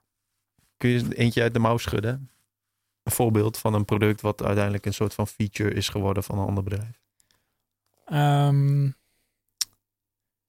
even denken. Ik, uh, Microsoft was laatst in het nieuws. Die hebben toen ooit uh, Wunderlist, Wunderlist overgenomen, To Do Manager. Oh ja. Um, dat was een hele populaire uh, To Do Manager. En dat is toen overgenomen door Microsoft. En dat was allemaal groot nieuws en zo. Uh, dat is volgens mij nog een aantal jaar gewoon bestaan. Maar volgens mij hebben ze onlangs bekendgemaakt dat dat, uh, dat, dat product wegging. Of weg, al weg is. Ik weet niet precies hoe het zat. Maar uh, Microsoft heeft nu een eigen to-do systeem. Dat heet volgens mij gewoon Microsoft To-Do. Mm -hmm. Heel creatief.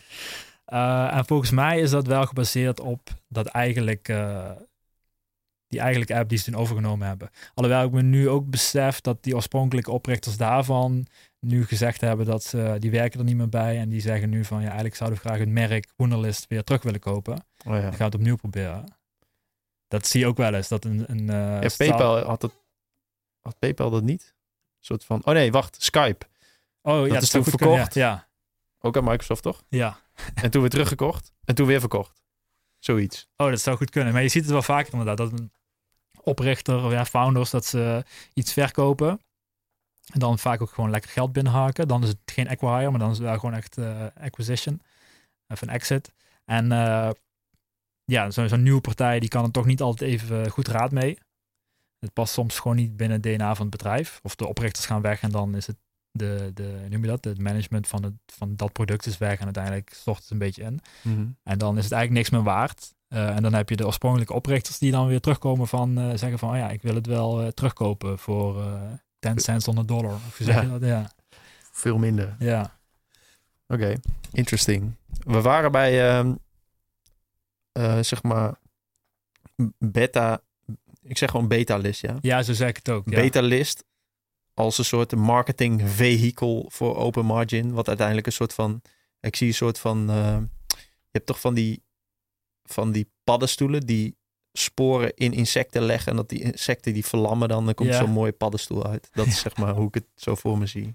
ja, inderdaad. Maar dat is tien jaar Ja. geleden. Toen begon eh Betalist. Hoe, hoe- zeg maar is een soort van... Hoe is die tijdlijn tot nu? Negen jaar is best wel lang, zeg maar. Ja, het is voor ook mijn eerste project. Ja, het is op zich logisch, maar mijn, eh, ik heb daarvoor ook wel gewoon dingen geprobeerd en zo. Eh, websites gemaakt. Maar ik was altijd heel erg, nu nog steeds een beetje van eh, spring van het ene idee naar het andere idee, zonder het echt af te maken. En bij Betalist dacht ik al vanaf het begin, of al vrij vroeg in ieder geval, van ik moet gewoon eens proberen om iets voor langere tijd te doen. En dan kijken, misschien wordt het dan succesvoller dan dat ik steeds iets probeer voor een paar weken. En dat ik dan zoiets heb van, ah nee, dit is het niet. En dan weer iets nieuws doe. Dus dat was bij Betalist wel echt mijn doel. Maar hoe Van, was je situatie dan? Kwam je net van school of zat je nog op school? Wat, wat eh, nee, werkte dus ik, je nog ergens daarnaast? ik ben eh, afge- afgestudeerd in 2009, geloof ik. Dus een jaar voor dit hele verhaal. Goed, nee, dat is trouwens niet waar. Ik weet, de tijdslijn weet ik niet precies, maar ik weet dat ik op een gegeven moment afgestudeerd ben. Dat weet ik redelijk zeker. en eh, tijdens het afstuderen eh moesten we een afstudeerproject doen. En dat is Open Margin geworden. Dus dat was eigenlijk begonnen als afstudeerproject. Ja. Eh, en dat hebben wij, we hebben wat subsidies weten op te halen, zodat we onszelf een beetje konden betalen. Ehm, en eh, op een gegeven moment ook wat freelancers konden betalen om, het, om de ontwikkeling wat te versnellen. Maar dus daar had ik wat eh, salaris uit. En eigenlijk gelijktijdig, dus nog tijdens het afstuderen, eh, kwam ik in contact met Boris Veldhu- Veldhuizen van Zanten, een van de oprichters van de Next Web. Mhm. En zij... was de Next Web? Ja, dat was het toen dat was toen al, ja. ja. Want hij was bezig met een nieuw product. Dat heette toen, dat, volgens mij had het al een naam, PressDoc. En dat was dan een persbericht eh, service om online persberichten te maken en te versturen. En hij, eh, ik kende hem eigenlijk niet persoonlijk. Ik had hem één keer ontmoet. Maar eh, hij tweette iets van, ik ben bezig met een logo, maar het lukt niet echt. Kan iemand anders er eens naar kijken? En ik dacht van, dat is een goede manier om in contact te komen met hem. Ik dacht, dat is wel een goede, goede persoon om, om beter te leren kennen. Toen al, zeg maar. Ja. En dus toen ben ik eigenlijk een logo heel vlug in elkaar geflanst met Illustrator. En naar hem toegestuurd. En hij zei van, oh, dat is wel tof, mag ik het gebruiken? Ik zei van, ja, tuurlijk. Ja, daarom stuur ik het. en eh, gewoon gratis. Ik dacht van, ja, dat komt, komt wel een keer terug op een bepaalde manier. En dat kwam ook terug. Dat kwam binnen 10 minuten, dat kwam terug. Hij stuurde nog een tweet van, hey, ik heb je portfolio gecheckt. Zou ik de website willen doen? Maar ja, daar ging natuurlijk niet, ik ging niet de hele website voor zo'n eh software dienst eh, gratis doen. Dat vroeg hij ook niet, maar dat hij vroeg van, wil je de website doen? Ik zei, ja, is goed, laten we, ja, laten we er even over hebben. En toen al vrij snel, binnen een aantal weken, eh, kwamen we van, oh ja, misschien moet ik gewoon medeoprichter worden. Want dit, dit nieuwe product, het was, er was nog geen bedrijf opgericht, het was echt nog een idee. Mhm. Eh, ja, met alvast een logo. en ja, misschien nog iets Dat is meer. altijd belangrijk. Ja. Die, die moet je altijd direct hebben. En een visitekaartje. Ja, en een betalist. En een betalist, inderdaad. Maar eh, nou, uiteindelijk waar het op neerkwam is van dat ik eh mede-oprichter zou worden en mede-aandeelhouder in de BV. En eh, er was al een investeerder, al heel snel. Ja, die, die man heeft connecties. Mhm. Eh, dus, maar ik was tegelijkertijd ook met het afstudeerproject bezig. En daar wilden we ook een bedrijf van maken. Dus toen heb ik eigenlijk aan, aan beide partijen voorgelegd van, hey, kijk, ik heb, ik heb soort van twee kansen of zo. En ik weet niet precies wat ik moet kiezen. Zou ik het allebei kunnen doen? Mhm. Zeg maar. Dus wat vinden mijn twee klasgenoten, twee vrienden ervan, als ik ja, tegelijkertijd eigenlijk dit, dit andere ding ook erbij start? Ja, die snapt het wel. Eh, we hadden ook nog niet het idee dat we zoveel werk aan dat product hadden. Achteraf heel naïef, maar uh, dacht van, ah, dat kan wel part-time. En dan bij, uh, bij PressDoc, dus bij, dat nieuwe, die nieuwe start-up met al uh, investeringen en alles, had ik het ook voorgesteld. Ik dacht ook van, ja, ik word dan de designer. We hadden al een andere programmeur. Mhm. Ja, kan ik 40 uur per week of langer gaan designen? Ja, waarschijnlijk niet. Um, dus ja, kan ik dat 20 uur per week doen? Oh ja, is prima. Iets minder aandelen, ja, prima. Maar iets minder salaris, ja, de helft salaris van de investering, maar ook prima. Ja. Dus toen had ik een salaris van de ene start-up en aandelen. Dat is echt een hele luxe, luxe positie. Normaal als je een start-up start, dan heb je nog geen salaris. Nee. Uh, en ik had dan, we hadden was subsidie van Open Margin. Dus zo ben ik eigenlijk gestart Oh ja. tijdens het afstuderen. En gaandeweg is dus Betalist als derde ding erbij gekomen. Um, dat was wel ambitieus om dan drie Maar het is, dingen te het doen. is best wel een soort van... Nou, je hebt het natuurlijk wel zelf goed weten te fixen. Een beetje een denigrerend woord. Maar best wel een luxe positie dat je al gewoon uh, daarvan kon rondkomen. Terwijl Ja. het nog niet echt iets opleverde. Ja, en ik woonde volgens mij toen nog tijd ook nog uh, bij mijn ma. Dus ik had eigenlijk ook geen kosten. Oh ja. Ehm, oh nee, toen ik Betelist startte, toen woonde ik wel op mezelf. Maar in het begin woonde ik ook nog gewoon eh, ja, bij mijn ma. Dus dan had ik eigenlijk bijna geen kosten. Mhm. Dus ja, dat is wel heel erg luxe positie. Ik denk, het is altijd... eh, ik heb wel wat kansen. Ik heb best veel kansen gehad. Ik heb ze ook aangegrepen en ik heb ze deels gecreëerd. Maar het ook gewoon heel veel geluk gehad. En eh, ja, Mhm. zeg maar, veel mensen die starten vanuit een positie waarbij ze een fulltime baan hebben. Mhm. en dan iets willen starten. En dat is, lijkt me een stuk moeilijker. Want dan, ja, dan je hebt gewoon, je, je werkt acht uur per dag. Ja. Dan kom je thuis en dan moet je eigenlijk nog beginnen. Ja. En dus je hebt heel weinig tijd. En dan voordat je echt een inkomen kan genereren uit dat product wat je zelf maakt. Ja, ben je misschien wel een aantal jaar verder of zo. Dat moet je echt lang vol kunnen houden. ja, en het alternatief is zeg maar... Je hebt, ja, het andere uiterste, laten we het zo zeggen. Is geen ander werk hebben. Maar ja, dan heb je dus geen inkomen. Ja, Zeg maar. En dan, heb je een soort, daar kun je een beetje tussenin zitten. ja dus ik, ik ken wel mensen die eh, wat gespaard hebben. En op een gegeven moment zeggen van oké, ik ga nu een jaar lang. Ik heb genoeg gespaard voor een jaar. Als ik op heel beperkt, met beperkte uitgaven leef. Mhm. Dus André ken je wel toch? Van naam in ieder geval. André Asimov. Ja, ja, ja. ja. Ja. Eh, hij heeft op een gegeven troetelkindje van de, van de, van de... Ik weet niet hoe je de groep moet noemen. Eh, on- onze Telegram groep, Spicy eh, groepen. ja. Ja.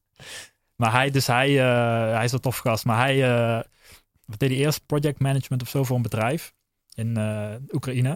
En op een gegeven moment heeft hij genoeg geld bij elkaar gespaard om zeg maar een jaar lang eh, in Bali te kunnen leven. En Bali is eigenlijk heel goedkoop om te leven. Mensen denken van, oh ja, Bali is ook wel. Maar ja, dat is juist, dat, daar kun je goedkoop leven. Ja. Dus hij heeft, had geen huis in Oekraïne en zo. Dus hij had gewoon eh, wat geld gespaard. En toen heeft hij gewoon een heel goedkope accommodatie in Bali gaan zoeken. Zeg maar alles zo goedkoop mogelijk. Hij noemde het hardcore year. Hij had Ja. dan een, een kamertje zonder airconditioning in Bali. Ja, dat is eigenlijk niet te doen. Ja, en, ik, en wat me ook nog wel van die gast bijstond, is dat je hebt zeg maar op, de- op de weg tussen Seminyak en Canggu. Ja, iedereen die dit luistert is wel een keer in Bali geweest. Maar dat je hebt zo'n Starbucks toch? Dat hij Ja, daar ja. midden in de nacht met zijn laptop stond. Omdat hij daar wifi had. Dat hij Ja, daar stond precies. de code. Ja, Toen dacht ik, ja, dit is wel echt treffend. Maar en, en goed, volgens mij, ik heb hem ook nog een keer mijn slippers gegeven. Want hij had geen slippers. Hij liep gewoon op zijn blo- blote voeten. Hij had geen scooter, want dat kon hij dan niet betalen. Tenminste, dat was dan te duur. Want dan had hij niet eh, genoeg maanden nog om eh, profitable te worden. Dus eh, ik, ja, ik hoefde mijn slippers niet meer. Ik, ik, ik wil die weggooien. Hij zei, oh ja, nee, ik kan die wel gebruiken. Maar het is gewoon echt hardcore. Ja, zo heette het, zo noemde hij het dan ook. Maar heeft hij wel ja, binnen een jaar...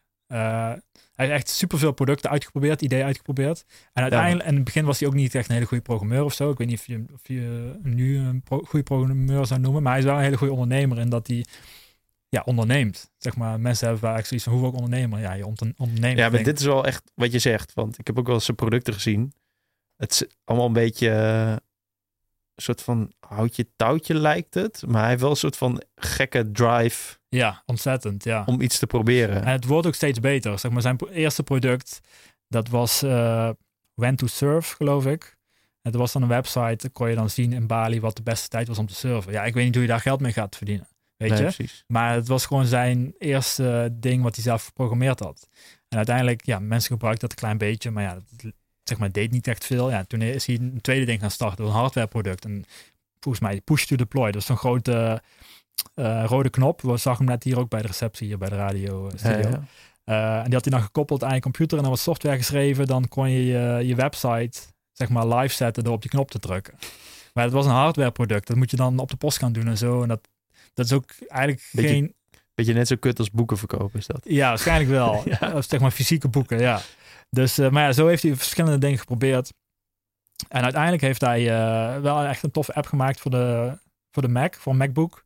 MacBook Alarm heet het. Ja, dat filmpje. Oh, hij heeft een filmpje gemaakt en dat weet je, ja, apart, tenminste apart, gewoon een tof filmpje eigenlijk. Maar dus het idee van die app was dat je, ehm, nou, veel nomads, van mensen die, die bijvoorbeeld in Bali zitten te werken, die zijn dan met een laptop bij de Starbucks en die willen even naar het toilet. Ja, wat doe je dan met je laptop? Laat je Mhm. die gewoon staan, neem je hem mee? Ja, je neemt hem niet mee, maar als je hem laat staan, ja, misschien stilt iemand hem. Dus wat hij, eh, wat wil je zeggen? Ja, ik wil zeggen dat je dan altijd een soort van wildvreemde vraagt. Kun je Ja. even opletten? Terwijl ja, die wildvreemde had ook zeg maar de dief de- kunnen zijn. Ja, precies. Dus dat is zo- zo'n gekke situatie. En we hebben het hier wel vaak ook over programmeurs. Die, oh ja, dat is een beetje stereotype misschien. Maar gewoon zo ben ik zelf ook wel een beetje. Dat je misschien niet snel aan iemand vraagt. Je hebt liever een software oplossing dan dat je even aan iemand vraagt. Weet je. Dus wat hij dan gemaakt had, is dat je dan eh, ja, een stukje software, dat installeer je. En dan geloof ik als je de MacBook beweegt of als je hem van je oplader afhaalt, eh, dan gaat een alarm af heel hard. Gewoon geluid. Mhm. En hij maakt een foto via de webcam, die stuurt hij door naar eh, je Telegram of zo. Dus Ja. dan kun je, had hij een filmpje gemaakt dat hij dan naar het toilet ging. En dan iemand anders probeert zijn laptop te stelen. ja, en dan maar dat was hij... zo'n stereotype boef. eh, Ja, zag je, zo zag je eruit. Ja, dat was echt fantastisch. Maar dat is het toffe dan aan André is dat hij wel gewoon dat filmpje gaat maken. Terwijl je hebt ook mensen die zeggen van ja, dan moet ik camera en lights en eh, moet een heel ja. team hebben, een hele ploeg. Dus kan het niet. Nee, bij hem is het van oké, het kan sowieso. Nee, maar dat bedoel ik dus. Het Ja. filmpje was best wel houtje touwtje, maar daarom was het uniek, want niemand anders doet het zo. En hij, ja, hij doet het gewoon. Precies, zeg maar. ja. En dus dat, dat product heeft hij uiteindelijk verkocht, gewoon het hele ding verkocht aan een ander bedrijf. Ja. Ik weet niet of hij het bedrag ooit eh, publiekelijk genoemd heeft, dus dat zal ik dan niet doen. Maar Oh, jij Eh, weet dat. Hmm. Oké. ik krijg er niet eh, uit bij mij. Nee, nee, dat Maar, ik niet. Maar dat is, Maar dus daarvan kon hij, daarmee had hij zijn doel eigenlijk al bereikt. Om, dat zijn doel was om dan binnen een jaar zeg maar, van zijn eigen product te kunnen leven. ja, Dus dat had hij daarmee eigenlijk al bereikt. Ondanks dat is het natuurlijk een eenmalig bedrag. ja. Ehm, maar daarnaast, daarna heeft hij nog andere dingen gestart. En nu zijn, eh, zijn focus ligt nu op Sheet to Site. Waarbij je, waarbij je van een spreadsheet eigenlijk een website maakt. ja. En dat is gewoon een abonnementsmodel. En dat gaat best wel oké, toch? Ja, dat, daar zit wel groei in. Ja, dat is eh, duizenden dollars per maand geloof ik. Duizenden inmiddels. Ja, La, wel, eh, ja, volgens mij is hij daar wel publiekelijk, deelt hij dat. Het is in ieder geval meer dan 1000 dollar per maand, geloof ik. Kunnen we niet... Waarschijnlijk is het sheet to site slash open. Mm, Dat zou kunnen, ja. Het zou ook op eh, zijn persoonlijke site kunnen staan. Als, het, als, ik snel, als ik het snel op het scherm kan krijgen. Ja, sheet2site.com is wel echt... eh, ja, als je, ja, kijk dan. 115.000 page views per maand. Sitesmate 2000. Ja, het is echt master. Ik vind het echt cool. Hier, check dit. Ik weet niet wat het is, maar die Oh, ja, grafiek ja. gaat omhoog. Eh 30 mei 2019. Oh ja, de maandelijkse revenue. Of is het... Wacht even. Zeg ik dat goed? Oh, monthly recurring. Ja, hij heeft het tot mei heeft hij het bijgehouden. En dat was maandelijks 1240 euro. Maar goed, in eh, januari was het 200. Februari 500. Het is echt flink Maar gestegen. Ja, het 700, is jammer dat 900. mensen de grafiek niet kunnen zien. En dat ik er doorheen praat.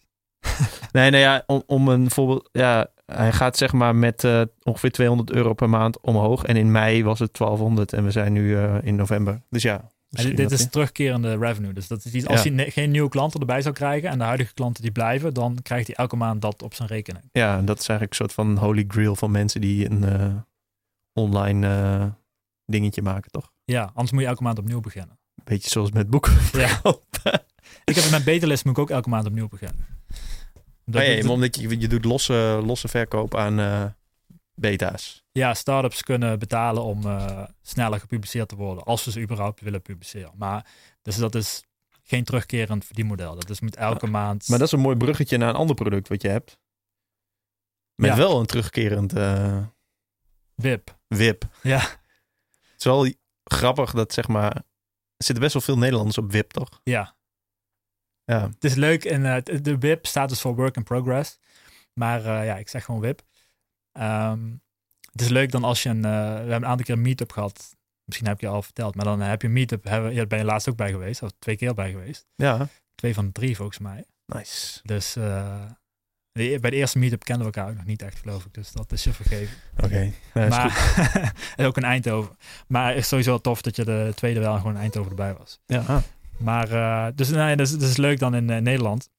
eh, als je een web meetup hebt. Dus dan, Ja. vooral dan als er zeg maar Engelstaligen ook dan na- naartoe komen. En die, die vragen dan aan personeel van I'm here for the web meetup. ja die weten dan ook niet wat ze zeggen. Nee, precies. Maar reserveer jij ook zo? Hallo met Mark van Wip. Ja, ik zet er wel bij. Uh, Dus dan ja. weten mensen het misschien wel. Maar ja, daar moeten we nog even een hele chronologie van, van weten. Helemaal, zeg maar. Ik pak even mijn agenda erbij. Nee, ik heb, pak even WIP erbij. In WIP kun je, nou, nou dat wordt iets, iets te meta misschien. Maar je kunt in WIP kun je zien hoe ik WIP gestart ben. Van dagelijks wat ik elke dag eraan werken. welke URL kunnen we dat zien? Ehm, wip.chat slash products slash 15. Is dat nummer, nummer 15? Dat is nummer 15. Waarom heb je geen SEO-URL met eh, een productnaam? Ja, dat ben ik nog wel van plan. Alleen ik, ik ben altijd zo iemand die... eh, staat op je to-do. Het staat, het staat letterlijk op Publiek, publieke to-do. Het, eh, ik vind het soort van eng, omdat ik, dan zit ik gelijk aan vast. Zeg maar met die nummers, Ja. prima als ik aan 15 zeg maar vast zit. Maar dan, oké, ik heb dan bijvoorbeeld web.chat slash product slash web, of gewoon, of gewoon gelijk slash web zonder product. Ja. Dat is prima. Maar dan, eh, wat als iemand anders zegt, die ik misschien niet zo goed ken, maar dat is ook gebruiker, die zegt van, ja, ik, ik pak eh, slash, eh, weet het niet, books of zo Ja. denkt van ja, ik ben met een boeksite bezig. En dan een paar maanden later denk ik van ja, ik wil ook een boeksite. Shit, die is al bezet. Op mijn eigen site. Ja, Moet ik hem eraf. En maar dat is heel dom of zo. Want uiteindelijk wil ik dat wel, wil ik dat wel, zeg maar. Dat je gewoon mooie eh, URL's hebt. Maar dat zijn Ja. dus die gebruikersnamen. Ehm, ik wil het, ik wil voorkomen dat mensen ze soort van gaan claimen. Maar ja, misschien, ik denk er waarschijnlijk te veel over na. Ah, ja. Eh, en, en nog een ander dingetje, maar dat een beetje technisch. Ik weet niet hoe interessant het is. Je, misschien dat ik eerst even moet uitleggen voor de mensen wat het is. ja, Ja, ja, misschien wel. ja. Oké, dus WIP. eh, het is een, nou ja, ook weer online community van makers. Dus, dus ondernemers, internetondernemers, eh, programmeurs, designers, eh aantal auteurs, waaronder Jelmer. Mhm. Aantal beetje meer kunstzinnig, maar het, voor, voor na- met, met name zijn het wel internetondernemers. Gewoon nutjes. Nerdjes. Die, eh, ja, het is een, grote chatgroep binnen Telegram. Het is soort WhatsApp, maar dan tof. Eh, en we zijn eigenlijk allemaal een beetje aan het chatten over waar we mee bezig zijn. En zo is het ook begonnen als chatgroep, maar al heel snel eh, is er een chatbot bijgekomen waarbij je je eigen to-do's kan delen. Dus eh, stel je denkt van, oh, ik moet de homepage eh redesignen of zo. Dan kun je in de chat gewoon zeggen slash to-do redesign homepage. Mhm. En druk op enter. En dat wordt dan vervangen met eh, een soort to-do die ook op de website komt te staan onder jouw profiel. Eh, en je kan ook to-do's afvinken binnen de chat en op de website. Waarom vonden dat mensen dat tof om dat zeg maar publiekelijk te delen? Nou, in eerste instantie de reden om het in die chat toe te voegen is omdat heel veel chats, je hebt best veel chats, zeg maar communities van ondernemers, maar dat gaat heel snel off-topic. Ja. Eh, en dat wilde ik niet. Daarom heb ik ook heel lang uitgesteld om een chat te beginnen. Maar op een gegeven moment besefte ik me van, oké, misschien zou ik een soort systeem erin kunnen integreren dat mensen kunnen laten zien waar ze mee bezig zijn. Mhm. Zodat eh, het onderwerp van de chat, het gespreksonderwerp, steeds teruggaat naar waar mensen echt mee bezig zijn. Dus niet geen ideeën van, oh, ik ga ooit dit of dit doen. Nee, gewoon van, wat heb je net gedaan? Wat ben je nu aan het doen? En dus eigenlijk net Ja. als bij een coworking space, dat je mee kan kijken bij andere mensen wat ze aan het doen zijn. Ja. Vind ik super inspirerend. Eh, en dat wilde ik eigenlijk hercreëren, maar dan online, virtueel. Dus dan hoef je niet per se naar een coworking. Als jij gewoon, eh, ik zit dan in een dorpje in Nune op dit moment, bij Eindhoven. Als ik daar zit, dan hebben we geen coworking met andere makers. Maar ik kan wel gewoon in WIP, kan ik zien wat andere mensen aan het doen zijn. Ik kan delen waar ik mee bezig ben. Dat Ja. is motiverend, daar krijg ik weer reacties op. Eh, dus dat, dat is de reden om dan die, die to-do's in die chat te hebben. En uiteindelijk is daar een hele website uit voortgekomen. Dus het is niet het is soort, maar, soort van geforceerd door jou, zeg maar, om iets in goede banen te leiden. Eh, ja, nou ja, kijk, mensen hoeven het De niet Puppet Master. Mensen hoeven niet te gebruiken. Je kan ook gewoon meechatten. Maar dat is... Ja, maar ik, Mensen gaan toch wel mee eh, to-do's aanmaken, merk ik ik. chat soms mee en ik zit gewoon in mijn eigen, in- samen met de robot, in, samen in een chat. En daar post ik gewoon alles wat ik, wat ik doe of Ja. nog moet doen en zo. ja, nee, goed. Dat kan ook. Dat doe ik ook wel eens. Als ik veel to-do's heb die ik niet allemaal in de chat gelijk erin wil gooien, want dat kan soms te druk worden. dan doe ik het even in een privéberichtje met, eh met Wipbot, heet het. Ehm, en als jij iets hebt waarbij je, waarbij, waar je het niet over wilt hebben, jouw to-do's zijn vaak ook in het Nederlands, geloof ik. Ja. Op zich zijn er best veel Nederlanders in Wip. Ehm, maar dan kan ik me goed voorstellen dat je denkt van ja, nee, ik ben gewoon bezig. Ik hoef het er nu niet per se over te hebben, maar ik wil ze om, ja, misschien kun je dat zelf ook uitleggen. Om een of andere reden wil ik ze toch vastleggen op Wip. Nee, ik vind het. Ik zou het wel chill vinden als er gewoon ook private eh, dingen. Of ik dingen op privé zou kunnen zetten. Maar ik snap dat het hele idee is dat het een community is. Maar ik vind het gewoon eh, het gemak eh, van het sorteren van to-do's in producten. Dus ik, ja, je opent gewoon een chat die eigenlijk altijd bij mij als een soort van tweede scherm open staat. En Ja. dan ram je even een to-do in met een eh, hashtag en de, de naam van je product. Dat vind ik eigenlijk de, hoe een to-do-lijst zou moeten zijn. En volgens mij, daar hoeft niet zo heel veel meer bij. Omdat ik eigenlijk ook nooit werk met deadlines. Ik, ik, maakt mij al niet zo heel veel uit wanneer ik iets doe. Ik doe iets wanneer ik daar zin in heb. En dat is bij dit is eigenlijk gewoon perfect. Hoe, eh, hoe deed je het voor Wip? Ja, niet dat ik daar heel ontevreden over was. Maar dan zwierven altijd gewoon lijstjes, zeg maar. Oh, of ja. het nou in Evernote was of op papier of allebei. Of eh ander soort.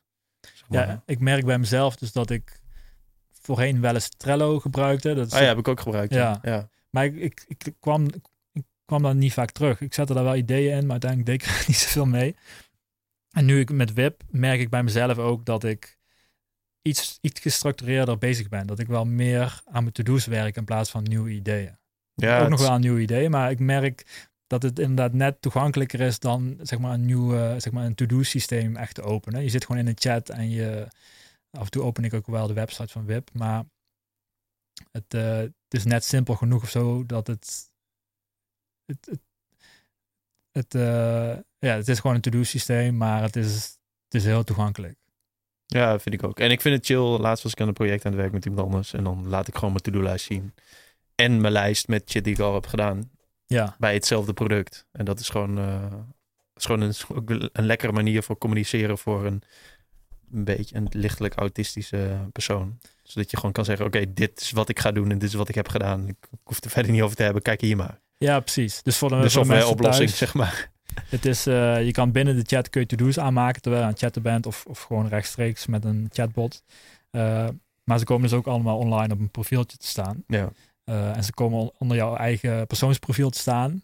Maar als jij aan verschillende producten werkt, dan komen ze ook nog, heeft elk product een eigen pagina. Ja. Ehm, en dan kun je ook dus met mensen delen van die geïnteresseerd zijn in waar je mee bezig bent. Van Mhm. eh, wat, waar heb je vandaag aan gewerkt? Of zeg maar, wat zijn de soort updates of waar ga je nog aan werken? Ja. Eh, of dat nou een, misschien een opdrachtgever is of, of, of eh, ja, gewoon mensen die, zeg maar early adopters, mensen die benieuwd zijn wat jij aan het maken bent. ja. Fans. Ik denk er eigenlijk helemaal niet zo heel veel over na dat andere mensen het ook wel gewoon kunnen zien. Nou, wel een beetje, want sommige dingen zet ik er niet op die ik dan, die ik dan toch wel graag op een to-do-lijstje wil Ja. zetten. Gewoon privé dingen of zo. Ehm, maar ja, ik heb, ik heb gewoon, eh, weet ik veel, mijn boekenprojecten heb ik erop. En eh, Het is eh wip.chat slash at Jelmer de Boer, geloof ik hè? ja, ik denk het dat het gewoon mijn username is. Ja. ja, mochten mensen benieuwd zijn naar waar je allemaal mee Nee. bezig bent, dan Je kunt gewoon kijken. ja. En je kunt streaks halen, toch? Ja, dus dat, ehm, ik weet eigenlijk niet waarom ik dat precies begonnen ben. Maar een streak Als behaal de, je, als de Arbo-dienst meekijkt. ja, Of heeft dat niks mee, daar niks mee te maken? als jij, eh, nou ja, het bedrijf eh, is niet in Nederland gevestigd, dus eh, kom me maar opzoeken. Waar is het gevestigd? Singapore. Ja. Ehm, maar ja, streak is dus eigenlijk als jij elke dag minimaal één to-do afvinkt, dan krijg jij eh, eigenlijk een soort score, een streak. En als je één dag iets gedaan hebt, dan heb je een streak van één. Als je de dag daarna nog iets doet, heb je een streak van twee. De dag daarna een streak van drie. Als je een dag vergeet, reset je naar ja. nul. Ja, dus dat is een simpel, simpel gezegd een streak. En de reden van een streak is dat het eh, een soort motivatie is om, zeg maar, je bouwt iets op. Dus eigenlijk, eh, het werkt niet voor iedereen, maar het is toch psychologisch iets. Dat je, zeg maar, je, je investeert, je, je bent gewoon met je werk bezig. Maar in- ondertussen investeer je ook in een streak en dat cijfer. En dan, hoe, meer je, hoe, hoger die wordt, hoe meer je het waard gaat vinden. Mhm. En hoe eh, vervelender het zou worden als die eh, reset naar nul. Ja. Het is misschien net als met, met voetballen met hooghouden. Ja, precies. Ja. Zeg maar, ja. eigenlijk is dat idee eigenlijk. Van ja. Ja. op zich is elke keer als je hem hoog houdt, is het dezelfde handeling. Maar het is leuker als je naar de 20 gaat zonder hem te laten vallen. Ja. Eh, en het, de reden om dat te doen bij voetbal is dat een soort van dan de uitdaging of zo, of het sport, sportief element. Ik weet niet precies, ik deed dat eigenlijk vroeger nooit. Ik kan misschien twee keer hoog houden. Classic nerdje. weer. Eh, maar dus de reden om dat bij eh, WIP te doen met je to-do's is om eh, iets waar veel makers tegenaan lopen, is dat ze heel veel ambitie hebben, eh, maar uiteindelijk niet echt iets shippen. Dus shippen wil eigenlijk zeggen dat je iets in de markt zet. Dus je kan heel lang aan iets werken Mhm. zonder het te shippen, want mensen kunnen het nog niet gebruiken. Maar als je echt, ja, wat ik heb gemerkt, als je succesvol iets wilt maken, dan is het belangrijk om continu dingen naar buiten te brengen. En soort in, niet per se, Nee. ja, Ja, wat je net zei over die chat, is het eigenlijk, dat is het verschil. Dus als je iets, je kunt beter iets doen dan iets zeggen. ja, Dat is een beetje het idee, denk ik dan. Want keep ship, blijf, blijf shippen, is zeg maar een soort van mensen forceren om hem, ja, gewoon hun bek te laten houden en gewoon, ja, maak iets, werk aan je product, zeg maar. Omdat het ook, ja, daarom, ik noem het ook geen chat community. Het gaat niet, het is ook niet dat ik het een eh do community noem of zo, maar dat zou misschien een betere benaming zijn. Het- maar de URL is nog steeds wel wip.chat. ja, dat komt omdat de .com, die, eh, ja, die is natuurlijk niet te betalen. Mhm. Die is wel ongebruikt, tenminste. Daar staat een hele oude landingpage op. Maar op die landingpage staat van nee, de domeinnaam is niet te koop. Oh, chill. Ik heb hem wel een mailtje gestuurd, maar geen reactie. Maar het is ook niet te betalen. Dat is waarschijnlijk een paar ton, zo'n drie letter eh, domeinnaam. Ja. Ehm, maar ja, wat heb je nog meer qua alternatieven? Ja, de, .co is bezet, .io is bezet. Het is allemaal bezet. Dus toen ik WIP begon, eh, eerst heette het ook gewoon WIP-bot, omdat de bot zo heette. En ik dacht van ja, ik moet even een kort, simpele site hebben voor de bots. Ja, nu is het, heeft de site een meer, eh, meer functies gekregen. Maar ik had gewoon even vlug een domeinnaam geregistreerd en wip.chat vond ik op zich wel leuk. Mhm. Maar nu noemen veel mensen het ook WIP-chat, maar het heet gewoon WIP. Maar goed, dat snap ik wel dat ze het dan WIP-chat noemen. Ja. Maar dus eigenlijk, ik wil uiteindelijk wel een, eh, een domeinnaam waar het woord WIP niet in zit. En dan heb je gewoon de chat en dat is dan gewoon WIP-chat. Maar dan heb je misschien ook andere dingen en dat is dan WIP andere dingen. Dat is net als dat je Apple AirPods hebt en Apple iPhone. Heb je Ja. WIP, ja, verschillende onderdelen. Ja, precies. Ah. Ah, interessant man. Vind ik ook. Maar eh, daar hebben we ook nog een kijkersvraag of een luisteraars, eh, lezersvraag van. Wat weet jij nog? Kijkersvraag vind ik wel... eh, Mensen die op Twitter kijken. ja. Oh ja, nee, dat klopt. Wat zei ja. die nou ook weer? Wat was de vraag? Hoe zorg je dat die draaiende blijft? Shit man, ik heb ze even niet. eh wacht, Eh, oh ja, ging het over WIP? weet ik niet. Hoe lang bestaat WIP nu? Twee jaar alweer. Heb je ook een eh, wip.chat slash open? Ja, Kunnen we daar, kunnen we daar Ja, daar kun je ook wel naar kijken. Dat is misschien ook nog wel leuk. Want je ziet daar een eh, soort piek in. We hadden over falen. Ja, niet dat WIP faalt, maar het- we zien wel een soort piek. Eh, volgens mij was het... Ik weet eigenlijk niet meer precies wanneer het was. Maar er was even een piek en toen is hij weer eh, gedaald. Oh ja, dat zie je, zie je daar inderdaad. Oh ja, de piek is ongeveer op. even kijken. Is dat omzet? Dit is. Nee, completed to-do's. Oh ja. Dat, dat boeit jou niks. Nee, maar dat is maart eh, 2018. Ja, dus dat was even kijken. Volgens mij heb ik het toen officieel gelanceerd. Het was al wat langer actief. Oh ja. Ehm, en toen was het ook nog heel eh, ja, trendy of zo, of, of, eh, of hip. Mhm. Uh, maar misschien, ik weet niet of je dat daar ook ergens terug kan vinden, is dat mensen, heel veel mensen probeerden toen in één keer, Ja. omdat het gewoon even best veel aandacht kreeg. Alleen het was heel, de chat werd heel druk. Ja. En dat werkt soort van, als het te druk is, dan leidt het af en dan, dan werkt het niet meer. Ja, precies. En uh, ja, het was gewoon, de retentie was gewoon niet zo hoog. Dus je ziet gewoon best veel mensen dan in één moment aanmelden. Maar die blijven niet hangen omdat het geen uh, gewoonte, geen habit van hun wordt. Maar is het dan ook zo dat zeg maar nu een equilibrium is van hoeveel mensen het kunnen gebruiken? Of werkt dat helemaal niet zo? Of Ehm, omdat het een chat heeft, zeg maar. Want je, ja, je kunt natuurlijk geen honderdduizend users hebben die ook in een chat zitten. Nee, dus waar ik, dat klopt. Eh, ik denk dat er een soort maximum aantal actieve gebruikers is binnen, binnen één chatroom.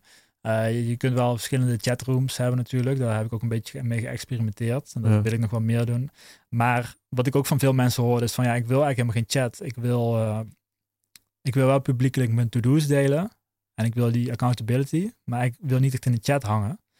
Eh, en tot eh, een paar weken geleden was de hele site eh, soort van afhankelijk van Telegram, dus de chat-app. Dus als je een account aan wilde maken, moest je een Telegram-account hebben. En als je to-do's wilde toevoegen, Ja. moest dat ook heel lang per se via de chat. Dat kon ook niet eens via de website. Dat is eigenlijk absurd. Oh, maar dat kan.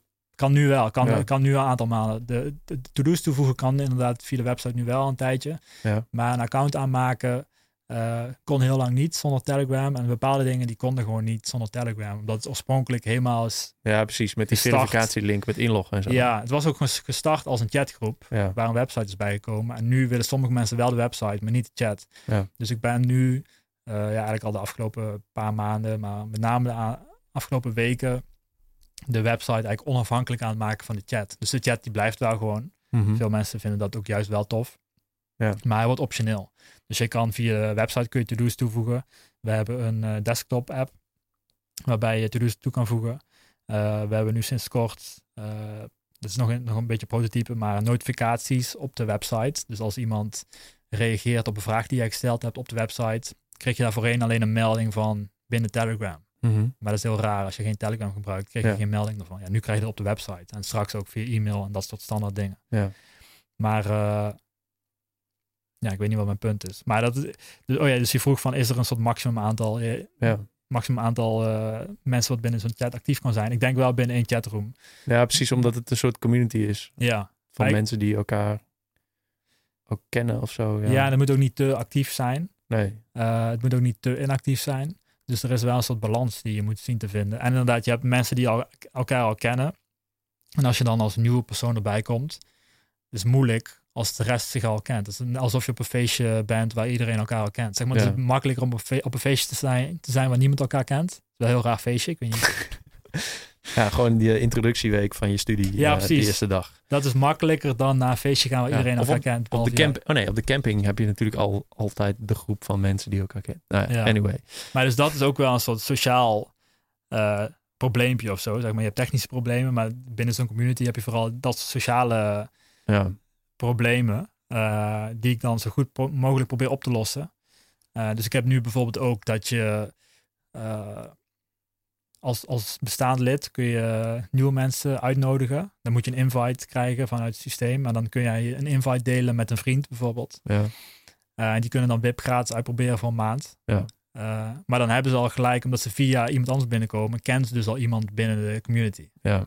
Dus dat is denk ik een betere manier om WIP binnen te komen dan dat je zelf een account aanmaakt en nog niemand kent. ja, maar uit, uit ervaring kan ik wel spreken dat het ook gewoon chill is als je gewoon helemaal niemand kent. Ja, toevallig ken ik dan eh, een paar mensen die het gebruiken en ik ben naar die meetups geweest. Ja, Maar eh, het is ook gewoon een chille to-do, zeg maar. ja dat ook. Ehm, Het ja, iedereen is weer anders natuurlijk. Ik, ik hoor in ieder geval van, van sommige mensen, of ik hoor eigenlijk relatief vaak dat mensen het moeilijk vinden. En ik zie het ook om, ze willen wel in die chat actief zijn, maar ze vinden het moeilijk om er een soort van bij te horen in het begin. Als ze er eenmaal onderdeel van zijn, Mhm. dan lukt het wel. Maar als jij als een nieuwe persoon de chat binnenkomt en andere mensen die hebben al gesprekken met elkaar en die maken grappen die jij misschien niet snapt, omdat het echt van die insider jokes zijn. Ja, Wat op zich heel positief is om binnen community een soort van insider jokes te hebben. Dat, ja, dat, dat maakt een, een vriendengroep een vriendengroep ook, zeg maar. Maar dat maakt het ook moeilijker voor buitenstaanders om eh, te joinen. ja. En bij zo'n community wil je dat eigenlijk wel. Eh, maar dat verschilt ook per persoon. Andere mensen die zijn een stuk assertiever of die, die kunnen daar wel makkelijker mee omgaan. Eh, sommige mensen die vinden het inderdaad ook niet erg. Die gebruiken het meer als to-do systeem en niet de chat, maar wel de website. Ehm, Ja, het is Ja. is sowieso een chille manier om eh, je to-do's bij te houden, maar ook ja, even te delen met, ja, met anderen. Het is best wel anders. Ja, je- het kan natuurlijk ook via social media. Ik bedoel, je kunt ook gewoon dingen op Twitter zetten waar je mee bezig Ja. bent en dan vragen aan mensen. Maar dit is meer gewoon, nu is het gewoon veel logischer, omdat de community zo is. Ja, ja. Zeg ik, heb het, eh, ik heb het ook nooit echt ingestoken van, hey, dit is een nieuwe to-do systeem. Maar misschien zo, zo gebruik jij het misschien wel meer. Maar misschien kan ik het ook dat meer op die manier proberen te positioneren. Niet alleen op die manier, maar eh, misschien is dat ook wel een ingangspunt voor mensen. Nu positioneer ik het wel echt puur als van, ja, het is een community. waar het is voor mij echt een-. Echte structuur. Ik, het geeft mij structuur aan de projecten waaraan ik werk. Eh, zodat ik een overzicht heb van de to-do's. Plus dat het via Telegram of via die eh, desktop app, dat ik gewoon op twee toetsen ram. Ja. En dan zeg eh, slash to-do en dan eh, wat mijn to-do is. En dan, dan heb ik het zeg maar... ehm, dan is het weg uit mijn hoofd, zeg maar. Ja, precies. Dat is dus dat is zo'n standaard ding, volgens mij ook van die David Allen van de Getting Ja. Things Done. Dat als, je- als je een idee hebt, dan moet je hem even opschrijven. Nou, ik ram het dus eigenlijk direct. Zeg maar, dit, het, de stap van iets even op papier zetten en dan in een goede to-do-lijst. Die sla ik over, omdat ik al direct weet waar bij welk project of welk idee het hoort. ja. Dan Ja, zet klopt. ik het dan. ja, bij Getting Things Done heb je inderdaad een aantal van die stappen. Dus van eerst verzamel al je to-do's in een inbox. Ja, Maar dan moet je die inbox ook nog gaan eh, cureren. Ja. cureren inderdaad. En uiteindelijk moet je ook nog eens in de zoveel tijd moet je een review doen. Dat je kijkt van zijn alle to-do's nog eh, relevant. Maar inderdaad, ik denk bij WIP sla je misschien de eerste stap over van die inbox. Want je kan gewoon met een hashtag dan kun je koppelen aan een product. Ja, precies. Want als je soms dan je aan het chatten en dan heb je het ergens over en denk je, dan heb je opeens een idee. En dan kun je zeg, zeg maar in die chat kun je al zeg maar je idee of je to-do daarin rammen. Je kunt trouwens ook, dat is niet, weten weinig mensen, maar je kan ook een eh, berichtje op Telegram, wat iemand naar je stuurt, kun je forwarden naar Wipbot en dan maakt hij er automatisch een to-do van. Oh. Dan is het niet altijd de, de, precies de tekst die je zelf zou schrijven, want het is gewoon het berichtje gebruikt gewoon als to-do. Ja. Eh, maar dan is het wel heel simpel. Dan stuur het gewoon door naar Wipbot en dan eh, is het de to-do. En dan kun je het later nog editen naar iets duidelijkers eventueel als je wilt. ja, precies. Maar het is ook niet heel veel, moeite, heel veel moeite om zelf even te schrijven. Maar als je even denkt van, ja, nou heb ik echt geen zin in. Of, of die persoon die beschrijft het op, precies op de manier eh, ja, dat ik het wel goed kan onthouden dan wat het dan is. Ja, of het is iets waarvan je denkt van ik moet hier, ik moet hier later wat mee. Misschien is het wel een screenshot van een bug of zo. Eh, ja, alleen afbeeldingen pakt hij volgens mij nog niet. Maar dat is wel een goeie, ja. Die zet ik even op mijn to-do. Nou zou het fijn zijn als ik jou, jouw woorden van net ook kan voorwarden naar Wipbot. Ja, het zou chill zijn Ja. als de Wipbot eh, in 2024 in de podcast zit. Dat je gewoon even zegt eh, slash do. En dan pakt hij gewoon de, de paar woorden die je net hebt gezegd. En die, eh, daar maakt hij een to-do van. Ja, dat zou mooi zijn. Dat hij gewoon continu meeluistert. Wat, wat staat er nog meer op je roadmap behalve dit? Eh, voor WIP. Ja? Ehm, Je hebt een soort kopie-wip, toch? Die heel hard gaat. Willen we daarover hebben? Vind ik goed. Ik weet niet wat nu de laatste status is. Ik weet niet of ze nog steeds heel hard gaan. Er was een website die exact WIP had gekopieerd, maar dan alleen wat kleuren had veranderd. Gewoon, zeg maar, toch? Ja, nou je had er een aantal. Maar eh, op een gegeven moment heeft iemand ook WIP clone list gemaakt.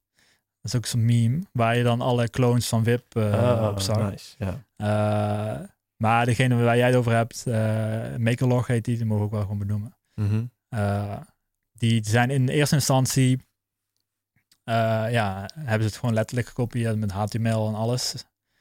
Het zag niet precies hetzelfde uit, maar je zag, als je een broncode zag, zag je gewoon, als ik gebruik dezelfde class names voor CSS en zo. Ja. Oh ja, dan is het wel heel duidelijk. Foobar.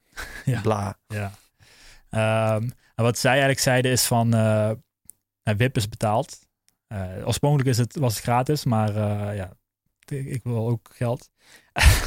en het was ook gewoon een soort van, ja, er kwamen te veel mensen tegelijkertijd binnen. Dus ik dacht van, ja, als ik er dan een eh prijskaartje aan hang, Ja. dan is er minder behoefte. En dan is dat probleem ook Ja, opgelost. maar het is toch ook logisch? Ik bedoel, het is Ja. toch gewoon een dienst? Ja, nou, dat denk ik ook. Maar dat, zo dacht zij dus niet. Want van hun, hun eh, hoe noem je dat? Unique selling point was dus van, ja, we maken het gratis. Mhm. Ehm, ja, en er zijn best veel mensen die niet willen betalen voor zoiets. Ja. En dan helemaal als er een alternatief is wat gratis is, dan proberen ze dat misschien liever eerst uit. Ja. Eh, mijn argument is altijd geweest van ja, ik zit liever in een community met mensen die bereid zijn te betalen voor die community, dan mensen die niet bereid zijn te betalen. Dus als mensen ervoor betalen, dan weet je dat ze er eh, genoeg waarde uithalen en ook een soort van waarde instoppen. Ja. of dat soort van logische beredenering is. Dat is toch gewoon een investering. Gewoon, Ja, dat is het meest... en dan wil je er ook die investering die wil je er ook uithalen. Ja. Dus dan ben je ook wat actiever en eh, Nou ja, los, van- los van het feit, en nu, gaat het, nu wordt het echt een soort van eh, ehm, elkaar veren in de reet steken. maar ja. dat is, het is toch gewoon tof om iemand die iets heeft gemaakt, of gewoon om iemand die een product heeft gemaakt, om daar iets aan terug te geven. Zo van, oh, oké, nice, ik support jou. Dus ja, dat is een beetje... Dat, en Ja, die dat mensen ook, die ja. dat, die Zeker dat willen doen, scene, ja. zijn, eh, dat zijn per definitie sympathieke mensen, ja. omdat ze dat doen. Het, het ding wel is, en daar, daar hebben ook andere concurrenten of, of clones of ja, ja, concurrent is misschien liever om dat op die manier te zeggen. Want ja, eh, op zich wel een goed punt dat, ehm, kijk, het is 20 dollar per maand eh, op dit moment. Ik zeg het op dit moment omdat het voorheen eh, iets goedkoper was, 10 dollar per maand. Ehm, maar voor ons is dat betaalbaar, maar dat is niet voor iedereen op de wereld betaalbaar. Nee. Eh, in Nederland is dat waarschijnlijk ook niet voor iedereen betaalbaar. Ehm, en mijn, mijn argument, eh, ik ben het niet helemaal eens met mezelf, is van, oké, mensen die geen 20 dollar per maand ervoor kunnen betalen, die hebben soort van andere problemen dan mensen die het wel kunnen. En het is een community van mensen die eh, ja, vergelijkbare problemen hebben. Dat je dat hè, als ondernemer, dat je Mhm. dat je vanuit een, een vergelijkbare situatie start.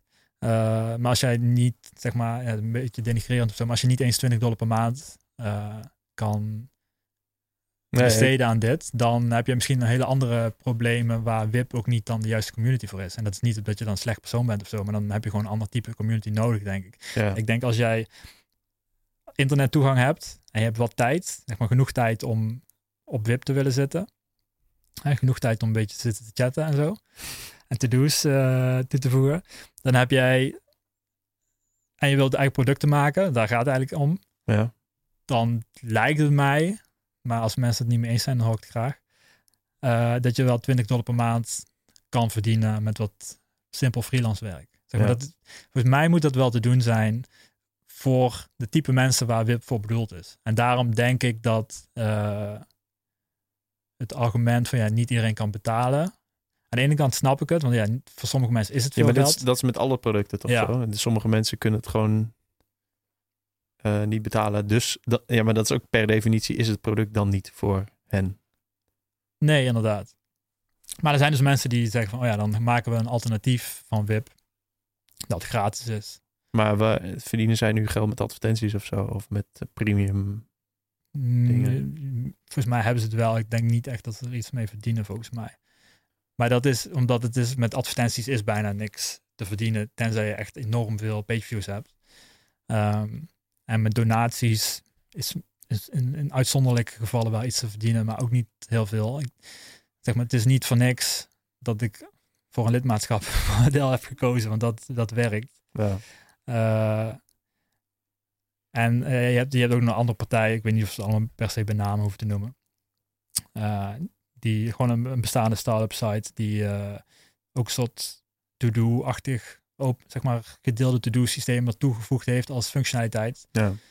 Um, die hoeven er niks aan te verdienen, want die verdienen weer met andere dingen hun geld. Ja. En dan is het meer uh, klantenbinding of zo. Ik weet niet hoe je dat wilt, wilt zien. Ik denk dat WIP misschien ook meer een, um, een gevaar kan zijn. Daar kunnen we het naam op zich wel noemen. Product Hunt, waar we het net over hadden. Die hebben Ja. op een gegeven moment ook... Oh, dat wist ik niet eens. Dat ja, die hebben eigenlijk gewoon hetzelfde gemaakt. Een jaar nadat ik WIP had gestart of zo. Oh.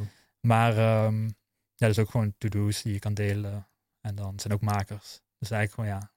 Ja, oké. Maar zonder chat. Ze hebben op een gegeven moment ook wel chat toegevoegd. Alleen dat was een webchat volgens mij die niemand echt Maar Product Hunt is, het lijkt mij een soort van, eh, ehm, het, dingen staan erop en ze gaan de volgende dag of na een paar dagen eigenlijk wel weer weg, zeg maar. Het soort van, het is gewoon nieuws, terwijl WIP is toch gewoon community.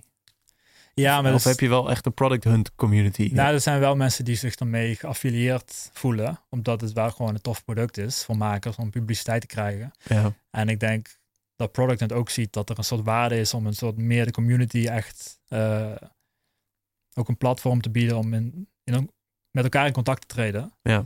Ehm, nou weet ik niet of ze dat bij WIP gezien hebben of, of, uh, of dat ze dat zelf bedacht hebben. Dan maakt het eigenlijk ook niks uit. Maar ja, zij hebben ook uiteindelijk zoiets gemaakt.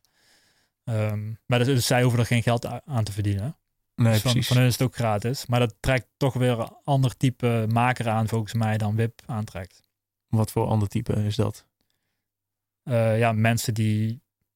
Nee, dus je hebt eigenlijk twee typen makers, denk ik. Je hebt mensen die gewoon tof vinden om dingen te maken en daar niet per se geld mee hoeven te verdienen. Mm -hmm. uh, die dat gewoon als hobby doen en die hebben gewoon andere inkomsten. Uh, en je hebt mensen die echt een bedrijf willen starten of die willen hun geld verdienen met wat ze maken. Dus dat zijn meer ondernemers. Ja.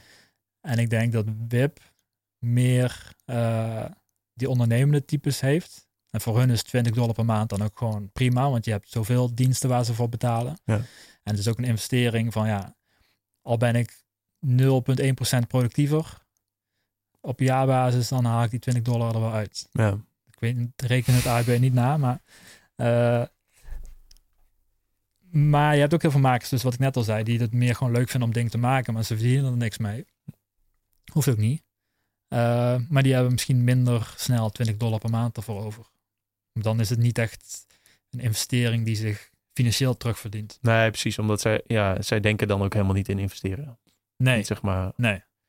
Dus voor die mensen, uh, ja, we hebben ook dat soort mensen ook wel WIP. Uh, en dat is ook gewoon heel interessant dat ze meer ja, dat, je krijgt andere type producten. Dat is ook interessant. Maar dat, die hebben misschien relatief minder dan die andere platformen. Ik denk dat die andere platformen meer dat soort makers aantrekken. En Mhm. dat wij meer uh, ondernemende types aantrekken. Kun je voorbeelden geven van dingen die helemaal... Nee, ze, ze, worden natuurlijk niet op wip gemaakt, maar wel bijgehouden, zeg maar. Van dingen die er... Waarvan we de levensloop op wip kunnen zien. Uh, ja. Plantenboek. Plantenboek. Wat is de URL? Plantenboek.nl, toch? Ja, ja. Ja.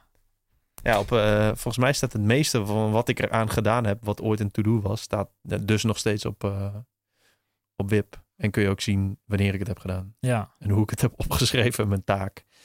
Het is leuk. Bij WIP kan ik dus ook terugvinden hoe WIP, wat ik net al zei, gestart is. Tenminste, Ja. vanaf het moment dat ik de, de bot, de to-do's had. Dus Ja. een paar dagen nadat het echt gestart was.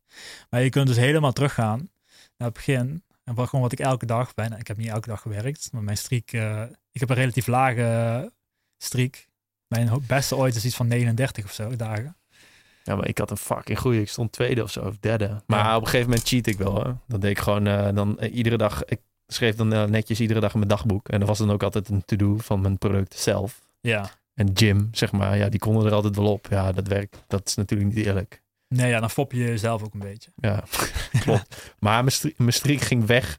Omdat ik gewoon... Volgens mij was het 200 nog wat dagen. Mm -hmm.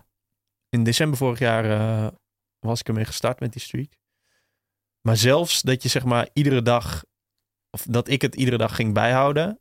Dat ik iedere dag dacht... Oh ja, ik moet nog wel even een taak uh, voltooien. Ja. Maar zelfs na 200 zoveel dagen dat ik het gewoon vergat een keer een dag. Ja, dat vind ik best wel weird. Ja. Ik gewoon maar de hele was dag je niet gewoon aan gedacht. echt gefocust op iets anders dan, denk ik. Ja, wat voor dag was het dan? Ja, ik weet het niet. Ja, We hebben nu dan wel reminders. Dat is ook relatief nieuw.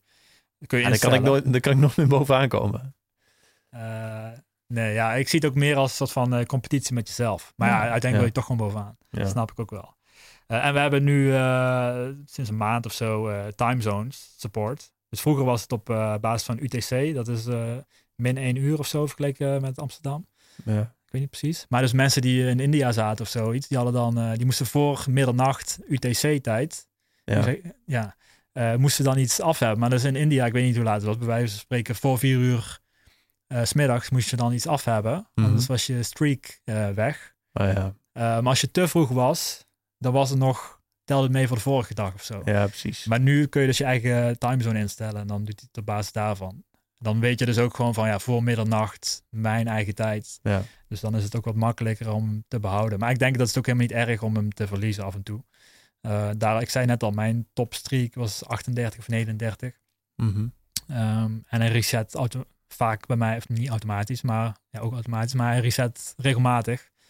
Um, ik vind het niet zo heel belangrijk om dan een hele hoge te hebben, maar gewoon als ik zie van, oh ja, ik heb nu, ben nu al vijf dagen achter uh, involgend uh, productief bezig. omdat ik niet mezelf fop, dan eh, vind ik dat wel motiverend om dat even tot te behouden. Maar op een gegeven moment heb ik gewoon een dag dat ik gewoon uh, buiten huis ben en dan, dan ga ik niet een to-do aanmaken om hem soort van te behouden. Ja, heel veel mensen doen het wel, maar ik... Ja, take, take a walk en dan kan ook, hashtag, ja, ja, precies. hashtag relax. Ik kan hem ook gewoon in de database aanpassen als ik wil natuurlijk. Maar... Ja, jij stuurde laatst iets van je local host toch? Dat ik, dat ik opeens mijn streak terug had. Oh ja, dat was ook zoiets. Dacht ik, yes, ik uh, dit, is een, dit is een soort van reset, een soort fout. En toen uh, Ik mensen ook zo feliciteren met van, uh, je hebt, hey, proficiat met je streak van 200 of zo. En iemand zo van, ja, hoezo? Van, oh, bedankt. Oh, dat wist ik niet. Ik zei, oh, sorry, het is localhost. Dat is mijn eigen oude database, ja. Op, ja. Een, ja, op een ontwikkelomgeving. Hoe is het met Eat More bot? Um, Even voor de mensen thuis. Ja. Ik ontmoette Mark voor het eerst in Bangkok. Toen wilde hij uh, aankomen, toch? Ja. Je wilde ja, gewoon qua, kast worden. Qua gewicht. Ik was al aangekomen in Bangkok. Leuk hè? Ja, goed. En toen uh, zei Mark, uh, wat moet ik doen? Toen gaf ik hem het fantastisch advies. Nee, toen zei ik, ja, je moet meer eten. Ja. Nee, mijn, mijn advies is dan vaak van, joh, ga het, eens, ga het eens bijhouden. Je hoeft niet eerst iets te veranderen, maar ga gewoon opschrijven wat je nu al doet. En dan daarna kun je het zelf analyseren of iemand anders laten analyseren. En dan kun je dan de volgende stap nemen. En toen ging je een bot bouwen, toch? Ik dacht van, oh ja, jouw advies, meer eten. Oké, weet je wat ik moet doen? Ik moet een bot bouwen. Ja. In plaats van meer eten, ja. Oh nee, ik had wel, oh nee, dat was het. Uh, ja, dat, dat, weet ik nog wel. Dus zei je meer eten. dacht van, oh ja, nee, dat is op zich vanzelfsprekend. Maar dat, ja, niet bij nagedacht. Dus dacht, oh, dat ga ik doen. Op een gegeven moment, uh, toen kwam ik thuis of in mijn hotel. En toen uh, had ik eten besteld. Stond er iets van uh, over een half uur wordt het afgeleverd. Ik dacht van ja, ik moet erbij gaan houden. Dus ga in een half uur ga ik vlug een pot bouwen. Dat als we eten daar aankomt, dat ik hem bij kan houden. Dat was een mooie deadline. en dat was toen, uh, dat werd inderdaad Eat More bot. Uh, Terwijl botje veel mooiere naam was. Maar moet natuurlijk altijd Engels. Ja, en bij Telegram moet een bot eindigen met de naam eindigen op bot. Oh, echt? Ja. Shit. Botje bot. Ja, botje, dat zou kunnen, ja. Ja. Maar ik moest ook snel zijn, want ik moest gewoon vlug iets. Uh, ja, ik wilde het binnen een half uur af hebben. Zeg. Ja, prototype af hebben. Maar wat deed de bot? Uh, ja, dus je kon. Uh, het werkt eigenlijk ook helemaal niet. Maar je kon dan een. Uh, Jawel, ik heb het toch gezien. Ja, oké, okay, dus het werkt gedeeltelijk. Ik zal even zeggen wat wel werkt en wat niet werkt. Wat wel werkt is dat je dan gewoon een foto kan sturen van je eten. En dan houdt hij bij van ook de tijd van wanneer je die foto hebt doorgestuurd. Dus daar gaat ervan uit dat je dan gelijk, als je je eten op je bord hebt liggen, dat je daar een foto van maakt. Mm -hmm. Voordat je het op hebt. Anders staat er niks op de foto. Ja, ja. ja. Um, Kruimelanalyse. Misschien kan dat ook wel in 2024. Kruimel, ja. En uh, ja, dus dat houdt hij dan bij. En dan uh, kan hij dus ook bijhouden van hoe lang het is geleden dat je voor het laatst hebt gegeten. En als je het hebt over eat more, heb je aan de ene kant van hoeveel je eet per maaltijd. Maar ook gewoon van dat je meerdere maaltijden eet ja. dan je voorheen zijn, deed. zijn de twee soort van basisstrategieën voor mensen die meer willen eten. Zeg maar. Ja. Nou ja, het is, dit, is niet denigrerend of zo. Maar ja, ja. Dit, dit, is heel uh, simpel advies voor mensen die dat uh, graag willen. Van jou, inderdaad, schep meer op, maar zorg ook dat je meer momenten hebt om te eten. Dus ja. Dus dat houdt je, ja, zeg maar, de grootte van de maaltijd houdt die zeg maar niet uh, bij in cijfers, maar je hebt wel gewoon een foto. Ja. En uiteindelijk heb je ook een soort kalendertje waar elke dag dan alle foto's staan van wat je gegeten hebt. Dus je krijgt een visueel overzicht van wat je gegeten hebt. En het is mooi is, je hoeft niks in te typen. Je kan gewoon een foto doorsturen. Ja, en dat en ik vond het tof, omdat het dan, dat is dus precies wat je eigenlijk wil. Omdat als je nu luistert, je weet waarschijnlijk niet wat je eergisteren als avondeten hebt gehad. Terwijl als je iedere keer, ja, je moet wel de hele tijd herinneren dat je een foto moet maken van je Ja. eten. En als in het begin is dat best wel vervelend, maar op een gegeven moment krijg je genoeg mensen die het nu ook doen op een andere manier, zeg maar. Maar dan, het enige wat je hoeft te doen is een foto maken. En dan ga je daarna misschien pas na twee of drie weken kijken van, joh, dit was wat ik at. En dan kun je zeg maar de volgende stap nemen. Ja, dus de functionaliteit die ontbrak. Ehm, wat er wel in zat, maar het werkte niet goed, is dat je na zoveel uur een melding krijgt van, eh hey, eet weer eens. Want hij weet van, oké, je hebt nu drie uur geleden gegeten. Dan weet je dus s'nachts wakker. Toch? Eh, Van de melding, van de zoomer die afging. Nee, ja, ik weet niet. Was het zo? Nee, weet ik niet, maar ik neem aan dat als je s'avonds om acht uur eet en om acht uur... eh, Ja, weet je wat? Volgens mij werkte het dus ook gewoon niet. Oh. Die functionaliteit, die heeft nooit echt gewerkt. Eh, maar dat was voor mij ook niet heel belangrijk. Voor mij was het belangrijkste om gewoon dat bij te houden. Dat maakt je al bewust. In ieder geval van wat je eet en inderdaad ook wel een beetje hoeveel. Vooral als je dan naar die kalender kijkt. Ja. Ehm, Maar op een gegeven moment heb ik zoveel producten. Ja, ik maak werk aan zoveel verschillende dingen. Ehm, en bij, ja, bij dit product eh, raakte de motivatie een beetje kwijt. Misschien omdat ook niemand anders het gebruikte, of niet dat ik wist. Mhm. Zeg maar bij iets als WIP zie je als andere mensen het gebruiken, heel duidelijk. Maar heb je niet dingen voor jezelf waar je het gewoon chill vindt om zelf te gebruiken? Ehm, nou, ik heb het dus wel een tijdje gebruikt, maar op een gegeven moment, ik weet eigenlijk niet waarom, maar ik vergat het een aantal keer. Dat is typisch zo'n ding van als je het eenmaal een aantal keer vergeet, Mhm. dan is het systeem een soort van kapot of zo. Ja, Ja. dat is niet per se, want je kan gewoon opnieuw beginnen, maar dat vergt dan, dan vergt het weer discipline. Zeg maar als de gewoonte weg is, Ja, dat is, dat is een beetje wat heel veel mensen dus ook met trainen hebben. Dat ze denken, ja, ik ben nu maandag ben ik niet geweest, dinsdag ook niet. Ik ga volgende week wel weer. ja precies. Dat- Dat had ik een beetje met het bijhouden. Zeg maar trainen en zo deed ik nog wel en eet- eten deed ik ook. Maar het bijhouden deed ik wel minder. Ehm, Terwijl, even tussendoor, dat, dat is dus te tackelen met het douchen argument. Dat als je maandag niet doucht en dinsdag niet, dat betekent niet dat je dan woensdag en donderdag enzovoorts ook niet hoeft. Je, Nee. kunt, je kunt gewoon weer opnieuw Dit is sowieso geen goed argument. Eh, maar om een van de redenen denken mensen wel zo. Ja, precies. Nee, ja, dat begrijp ik heel goed. Ehm, Maar waar ben, je, wat, waar ben je nu nog meer mee bezig? Zeg maar, je hebt betalist, wat een soort van... Het lijkt net alsof dat, dat schip wel gewoon een lekker eh, de wind in de zeilen heeft. En ook gewoon niet echt koerst op een eh, ijsberg of op- een storm of weet ik veel wat. Dat nee, loop gewoon rustig door, ja. En dat doe ik eerlijk gezegd ook niet zo heel veel aan. Dus ik heb een collega, Rabia. Ehm, Shout-out Rabia. Shout-out naar Rabia. Zij eh, werkt volgens mij vier uur per dag. Drie of vier uur per dag ongeveer. eh, Dat is wat ze factureert in ieder geval. ja. Nee, de reden dat ik denk, ik weet niet precies of het nou drie of vier was. Maar werk ze aan Betalist. En dat zijn dus eigenlijk alle werkzaamheden die nodig zijn om het draaiende te houden. Omdat Mhm. het is best wel... eh, ja, het gaat om content. En we schrijven zelf niet artikeltjes. Die schrijven de start-up zelf. Maar die moeten wij nog wel cureren en editen. En, eh, Ja. en als je het dan edit, dan hebben ze zij vaak weer vragen erover. Of ze willen ze toch weer iets aanpassen. Dus dat is toch best veel eh, werk wat je niet kan automatiseren. En ik probeer alles te automatiseren, maar dat, ja, dat lukt niet bij alles. Eh, ook contact met adverteerders. Dus dat is ook een verdienmodel. Dat soort dingen doet zij allemaal. Wat ik dan nog doe is ja, product development. Maar op zich het product wat nu staat, dat doet wat het moet doen. Je kan het altijd verder doorontwikkelen en dan zijn we op zich ook mee bezig. Ehm, maar dat staat op een relatief laag pitje vergeleken met eh, WIP op dit moment. Mhm. Ehm, ik ben de meeste van mijn tijd met WIP bezig. Heb ik sinds een maand, denk ik, eh, ben ik met Jan Kees gaan werken. Shout-out naar Jan Kees. Hij is Oh ja. programmeur. Ehm, hij Zit ook werkt- op WIP. zit ook op WIP. Ehm, hij werkt nu vier uur per week. Dus echt heel weinig eigenlijk. Maar hij is een best efficiënte programmeur. Dus effectief. Ja, effectief eigenlijk. Ook wel efficiënt, maar vooral effectief.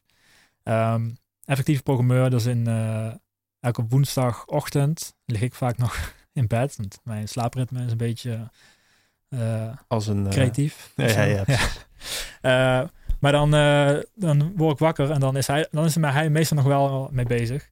Eh, dan heeft hij al wat dingen gedaan, wat klaargezet, wat pull request, zoals dat heet. Dus hij heeft hij code Source gemaakt. tree. Eh, ja, via GitHub. Oh ja. Dus hij eh, maakt code aanpassingen die we van tevoren hebben besproken, nieuwe features.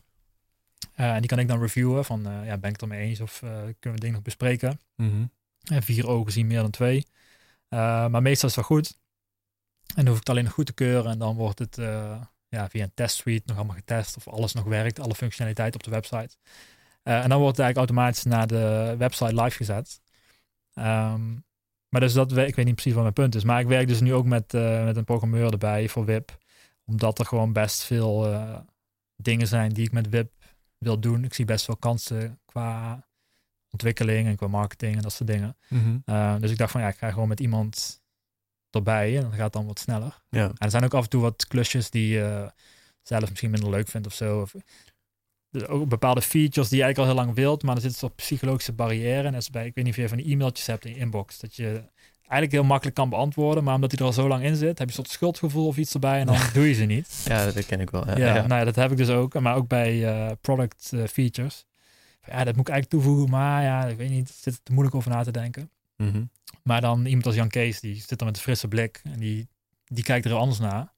Ja. Dat is gewoon nieuw. En dan doet hij het misschien op een manier dat ik denk van, oh ja, dat eigenlijk is gewoon heel simpel. ja, precies. Maar misschien lijkt het ook heel simpel als, omdat hij het gewoon doet en dan hoef ik het zelf niet te doen. Maar, maar in ieder geval, uiteindelijk worden, ja, de, de development gaat gewoon sneller met, met mensen om je heen. Maar is het ook omdat je zelf andere dingen wil doen? Of je wil gewoon een andere rol binnen... Wat ik merk is dat ik, eh, ik vind het nog wel heel leuk om te programmeren. En ik programmeer zelf ook nog steeds heel veel aan WIP. Ehm, maar je, als je meer strategisch na wilt denken, dan moet je zeg maar een stap terugnemen. En bij programmeren zit je echt in de code. Ja, Eh, en ik vind het moeilijk om dat te combineren. Dus ik merk dat ik gewoon maar gewoon mentaal, omdat je dan... Werkt het zo dat als je programmeert, dat je gewoon dan dezelfde dag of binnen een uur helemaal niet op een ander level kunt denken? Werkt is dat zo? Ehm, ja, eigenlijk wel. Ik weet niet waarom dat is. Het kan, ik weet niet of het per se een soort eh, mentaal ding is. Maar het, is, Of- het is gewoon heel... Ik bedoel, volgens mij is... Ja, weet ik eigenlijk niet. Programmeren heel creatief werk is of heel rationeel. Want ik kan wel programmeren met muziek aan en kan ook tekenen met muziek aan. Maar kan niet iets lezen met muziek aan. Dat is altijd mijn soort van Hm. indicator voor wat voor soort werk het, Ja. het is. Nee, ik denk dat eh, programmeren kan creatief zijn. Is het vaak denk ik wel. Vaak is het ook zo'n stukje creativiteit van hoe ga ik het aanpakken en dan ga je het implementeren. En dan de Ja. implementatie zelf is misschien iets minder creatief. Maar je hebt steeds wel soort creatieve of soort afwegingen die je moet maken. En dat vergt ook wel een beetje creativiteit, denk ik. Ehm, maar ik vind programmeren ook gewoon heel leuk. En als ik daarmee bezig ben, dan blijf ik daarmee bezig. En dan vergeet ik misschien strategische gedeelte. Strategische gedeelte is voor mij, eh, vind ik ook leuk.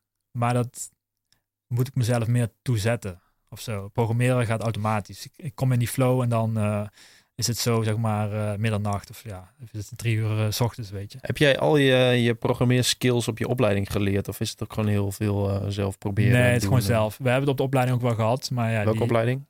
communicatie en multimedia design in Breda. Ik heb een beetje vergelijkbaar gehad volgens mij.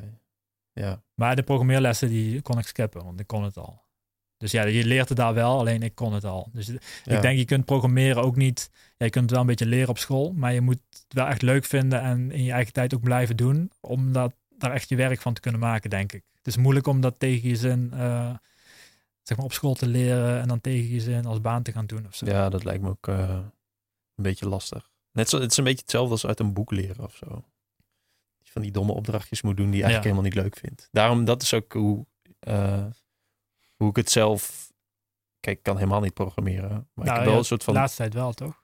Nou ja, maar dat is ook wel echt gewoon omdat ik een hulp van jou had en van Pieter en van mijn broertje. En, weet ik, en omdat mensen op Twitter gewoon allemaal helpen. Ja, maar dat weten veel mensen misschien niet. Maar dat is wel hoe iedereen programmeert een beetje. Het is niet per se dat je altijd in de chat alles staat op eh, Stack Overflow. Ja, precies. Nou ja, goed, dat doe ik ook. Dat, elke programmeur... eh, Nee, maar wat ik wil Ja. zeggen is gewoon dat je, je... Ja, het is wel pas toen ik iets vond waar ik gewoon qua inhoud verstand van had of zo. Ja, ik denk dat het misschien ook wel een soort van training of voeding had kunnen zijn.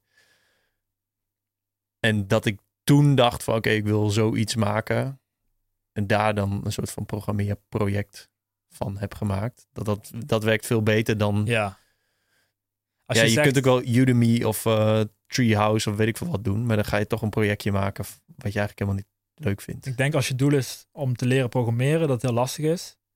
Misschien zelfs als met een taal leren. Daar heb ik geen, geen verstand van hoor. Maar ik kan me voorstellen van als je denkt van ja, ik wil eh, Chinees leren.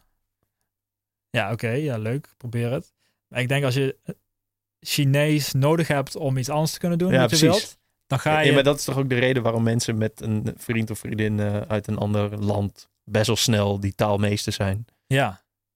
Ja, dit is waarschijnlijk, dit is echt uit de lucht gegeven. Of als je dat voor je werk moet doen of zo. Dan Zo als zie je in dat China voor me. zijn. Ja. ja. En ik denk dus met programmeren is het waarschijnlijk hetzelfde. Als je zegt ik wil leren programmeren, ja op zich prima. Maar als je een soort doel hebt van ik wil dit maken, Ja. dit bestaat nog niet in de wereld en dit wil ik heel graag maken. Ik denk dat ik dat beter kan dan wat erop staat. Oh, daarvoor moet ik kunnen programmeren. Nou, het, hoeft, het hoeft niet eens toch te zijn dat je het beter kan. Ik bedoel, je wil, je wil gewoon iets werkend hebben wat je in je hoofd hebt. Ja, ja, ik weet niet. Voor mij is het wel dit van ja, ik wil wel beter op een bepaalde manier beter. Ja. Maar misschien dat het niet voor iedereen zo is. Misschien heb je zoiets van ja, lijkt me gewoon tof als ik dit zelf kan maken. ja. Ook al bestaat het al. Ik, vroeger Ja. haalde ik mijn speelgoed al- altijd uit elkaar omdat ik gewoon benieuwd was van hoe het in elkaar zat. En dan zet ik het weer opnieuw in elkaar. Ja, meestal lukt dat niet helemaal. Maar, Maar dat gewoon- beter. Ja. nee, niet per se beter. Dat was gewoon dan eigenlijk slechter. Maar gewoon omdat ik benieuwd was hoe, hoe je dingen maakt en hoe dingen in elkaar zitten. Ja, maar dat, dat is Ja. hoe ik het deed met, eh, met die vliegticket zoekmachine. Ja ik, wil, ja, ik wil het wel maken dat het beter is dan wat er nu is. Maar je hebt ook je eigen visie erop. Ja, ja. Dat je bij andere ticket eh, zoekmachines zoiets hebt van ja, dat vind ik eigenlijk stom dat het op die manier werkt. Of het werkt misschien wel voor hun doelgroep, maar ik mis. Daar heb je het wel af en toe over. Van, Ja. mis iets dat je op eh, frequent flyer program eh, kan filteren of zo. Dat soort dingen. Ja, of dat stops belangrijker worden. Of eh, precies, dat soort dingen. Ja, dat klopt wel. Alleen daarvoor moet je wel een soort van eerst de basic snappen, denk ik. Ja. ja, het vergt wel geduld, denk ik, programmeren. Ja. Eh, zeg maar, voordat je echt iets kan maken wat ja, werkt en wat ook nog beter is dan andere dingen. Het vergt geduld en daarom vergt het ook dat je het leuk vindt om te doen. Anders heb je niet genoeg geduld, denk ik. Ja, precies. En ik, wat heel grappig was, ik, ik heb op mijn opleiding, en dat was echt, volgens mij was ik 2004, in 2005 begon ik met die opleiding communicatiesystemen. En toen had ik ook gewoon eh, lesjes eh, JavaScript en zo. Oh ja. Maar ik dacht toch nog, ik dacht nog tot een half jaar geleden of zo van ja, maar ik heb, ik heb lang de boot gemist van programmeren. Ik ben nu zo ver achter dat ik gewoon nooit meer ga oppakken. En dat is echt fucking bullshit. Ja. Daar ben ik wel echt achter gekomen. Het wordt ook steeds makkelijker, denk ik. En het, het is. En sowieso, ja, zeg maar, om iets, om genoeg te leren om iets te kunnen maken, dat kost ook niet per se super veel tijd.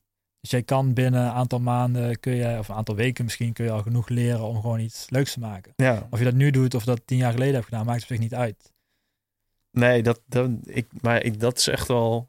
En nu vind ik dan weer zonde dat ik daar niet weer eerder ben achtergekomen. ja, Maar dat is wel echt. eh, ja, dat heb ik dit jaar echt geleerd. Dat het gewoon echt niet te laat is om te leren programmeren. nee, ik denk het wordt ook. Ja, er zijn steeds meer resources ook beschikbaar. Ja, Vroeger, ja, vroeger, shit, dat klinkt echt oud. Ik ben 31, bijna 32. Vroeger hadden we geen Stack Overflow. nee. Eh, Ja, dan had je, dan had je, toen had je echt boeken in de biep, zeg maar. ja, dat weet ik nog wel. Dat ik boek, ik had eh PHP, eh, boekje Ja, PHP. Ja, Die boeken met die dieren altijd op de voorkant, toch? Van ja. Orion, ja. Ja. Van die Ik had- hele grote, dikke JavaScript boeken. Ik zat op een gegeven moment gewoon van PHP dan het eh, handleiding te lezen. Maar dat was gewoon elke functie Ja, met uitleg van hoe die functie werkte. Het was niet echt geschreven, dat je, niet echt een leesbaar verhaal. nee. Maar gewoon letterlijk wat je ook op de site ziet van oké, deze functie doet dit en deze functie doet dat. Ja. En dat gewoon alfabetisch of zo. En die was ik gewoon aan het lezen, want dat was gewoon wat je toen had. Ja, Ja, je had op een gegeven moment ook wel wat meer dingen. Maar dat, eh ja, het heel anders dan, eh, dan nu. En nu is het gewoon, zeg maar, ieder probleem dat je hebt, heeft iemand anders al op Stack Overflow gezet. Ja, En je kunt heel veel shit, zeg maar, al. Je kunt het gewoon. Je hebt heel veel websites waar je gewoon het live kunt uitproberen, zeg maar, wat je wilt toevoegen. iemand zou een boek moeten schrijven of, of een workshop of iets van hoe vind ik antwoorden op mijn vragen. Ja, misschien generiek ook, maar ook gewoon op programmeren. Van oké, alles staat op Stack Overflow. Oké, klopt. Maar hoe vind je het? Je moet het wel op de juiste manier zien te vinden. Dat is ook nog een soort skill die, die je moet leren. En ik weet nog niet of, dat, of je dat kan vinden. Dat andere mensen je kunnen leren hoe je moet leren zoeken. Dat is misschien ook nog Ah, interessant. Als iemand eh, nog een idee zoekt of zo. Ja, dat is wel een goeie, ja. Maar dat, dat is ook wel weer een skill, zeg maar, hoe je met informatie omgaat. Ja. Hoe je... Dat was ook een vak wat wij ook hadden. Internet research. Hoe je Google en, en Ja, alles eh ik kan me nog herinneren dat je vroeger webs, eh, wedstrijden had in, ja, ik denk niet dat het toen Googlen heette, maar dat je gewoon wie het zo snel mogelijk informatie kon opzoeken online. Je hebt ook zo'n tv-programma. Misschien, weet ik niet. Ik weet niet, Nederland 3 of zo. Volgens mij bestaat het nog. Dan even kijken, hoe gaat het? Dan stellen ze een of andere vraag van wie was de, de koning in de 1732 van eh Huppelepup.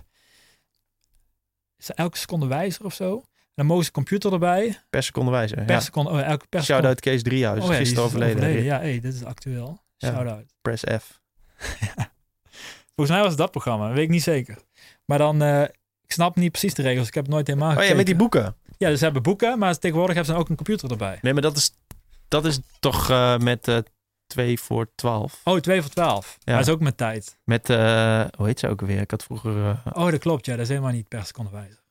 ik had vroeger een foto van haar in een lijstje Zo. in mijn studentenhuis.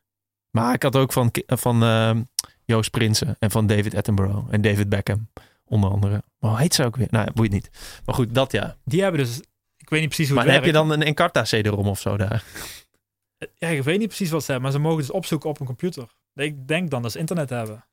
Maar dat weet ik niet zeker. Dat is wel heel grappig, want ik bedoel, ja, dan doe je toch gewoon koning, ja toch.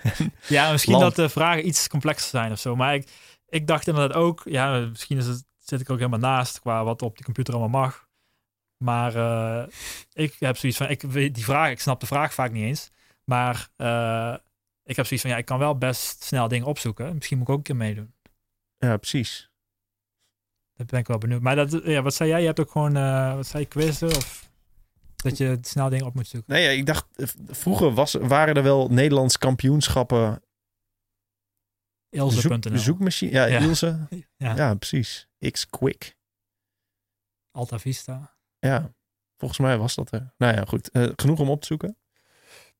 Zullen we ramen gaan eten? Ja, lekker. Oké. Ehm, hebben we alles behandeld wat, je, eh, Ehm, wat we moesten behandelen? Nu lijkt het net alsof, of, alsof jij, zeg maar, eh, ja. deze zendtijd hebt ingekocht. En eh, een, eh, ja, hoe, hoe stuur even factuur nog? wip.chat, betalist.com, ja, precies. startup.jobs. Daar hebben we het niet over gehad, maar hoeft ik niet. Ja, zo hebben we nog een hele lijst. Maar eh, nee, ik heb op zich wel honger. En misschien de mensen thuis ook. ja, precies. Dan kunnen ze ook eindelijk even, eh, even gaan eten. Eindelijk, ja. Oké, eh, nou ja, Mark, bedankt voor je aanwezigheid. En jij ook. Leuk dat jij er ook bij was. Ja, dat is altijd wel praktisch. Ehm, het is ook wel een keer een leuke, leuk om te proberen om een podcast op te nemen zonder host. Dus dat je gewoon, Zo'n briefje aan de muur van dit zijn instructies. Klik op deze knop en Dat dan is toch master? Ja, als er mensen luisteren die dat graag een keer zouden willen, dat is wel vet. even denken hoe we dat dan gaan doen. Ik denk dat ik dan vragen inspreek en die ze dan ook alweer kunnen. Nou, daar ga ik straks even over nadenken. Eh, mensen, bedankt voor het luisteren. Check vooral wip.chat, startup.jobs, betalist.com. Ja, klopt. Ehm, ja, en eh, kijk maar even. Oké, tot de volgende keer. Doei. Houdoe.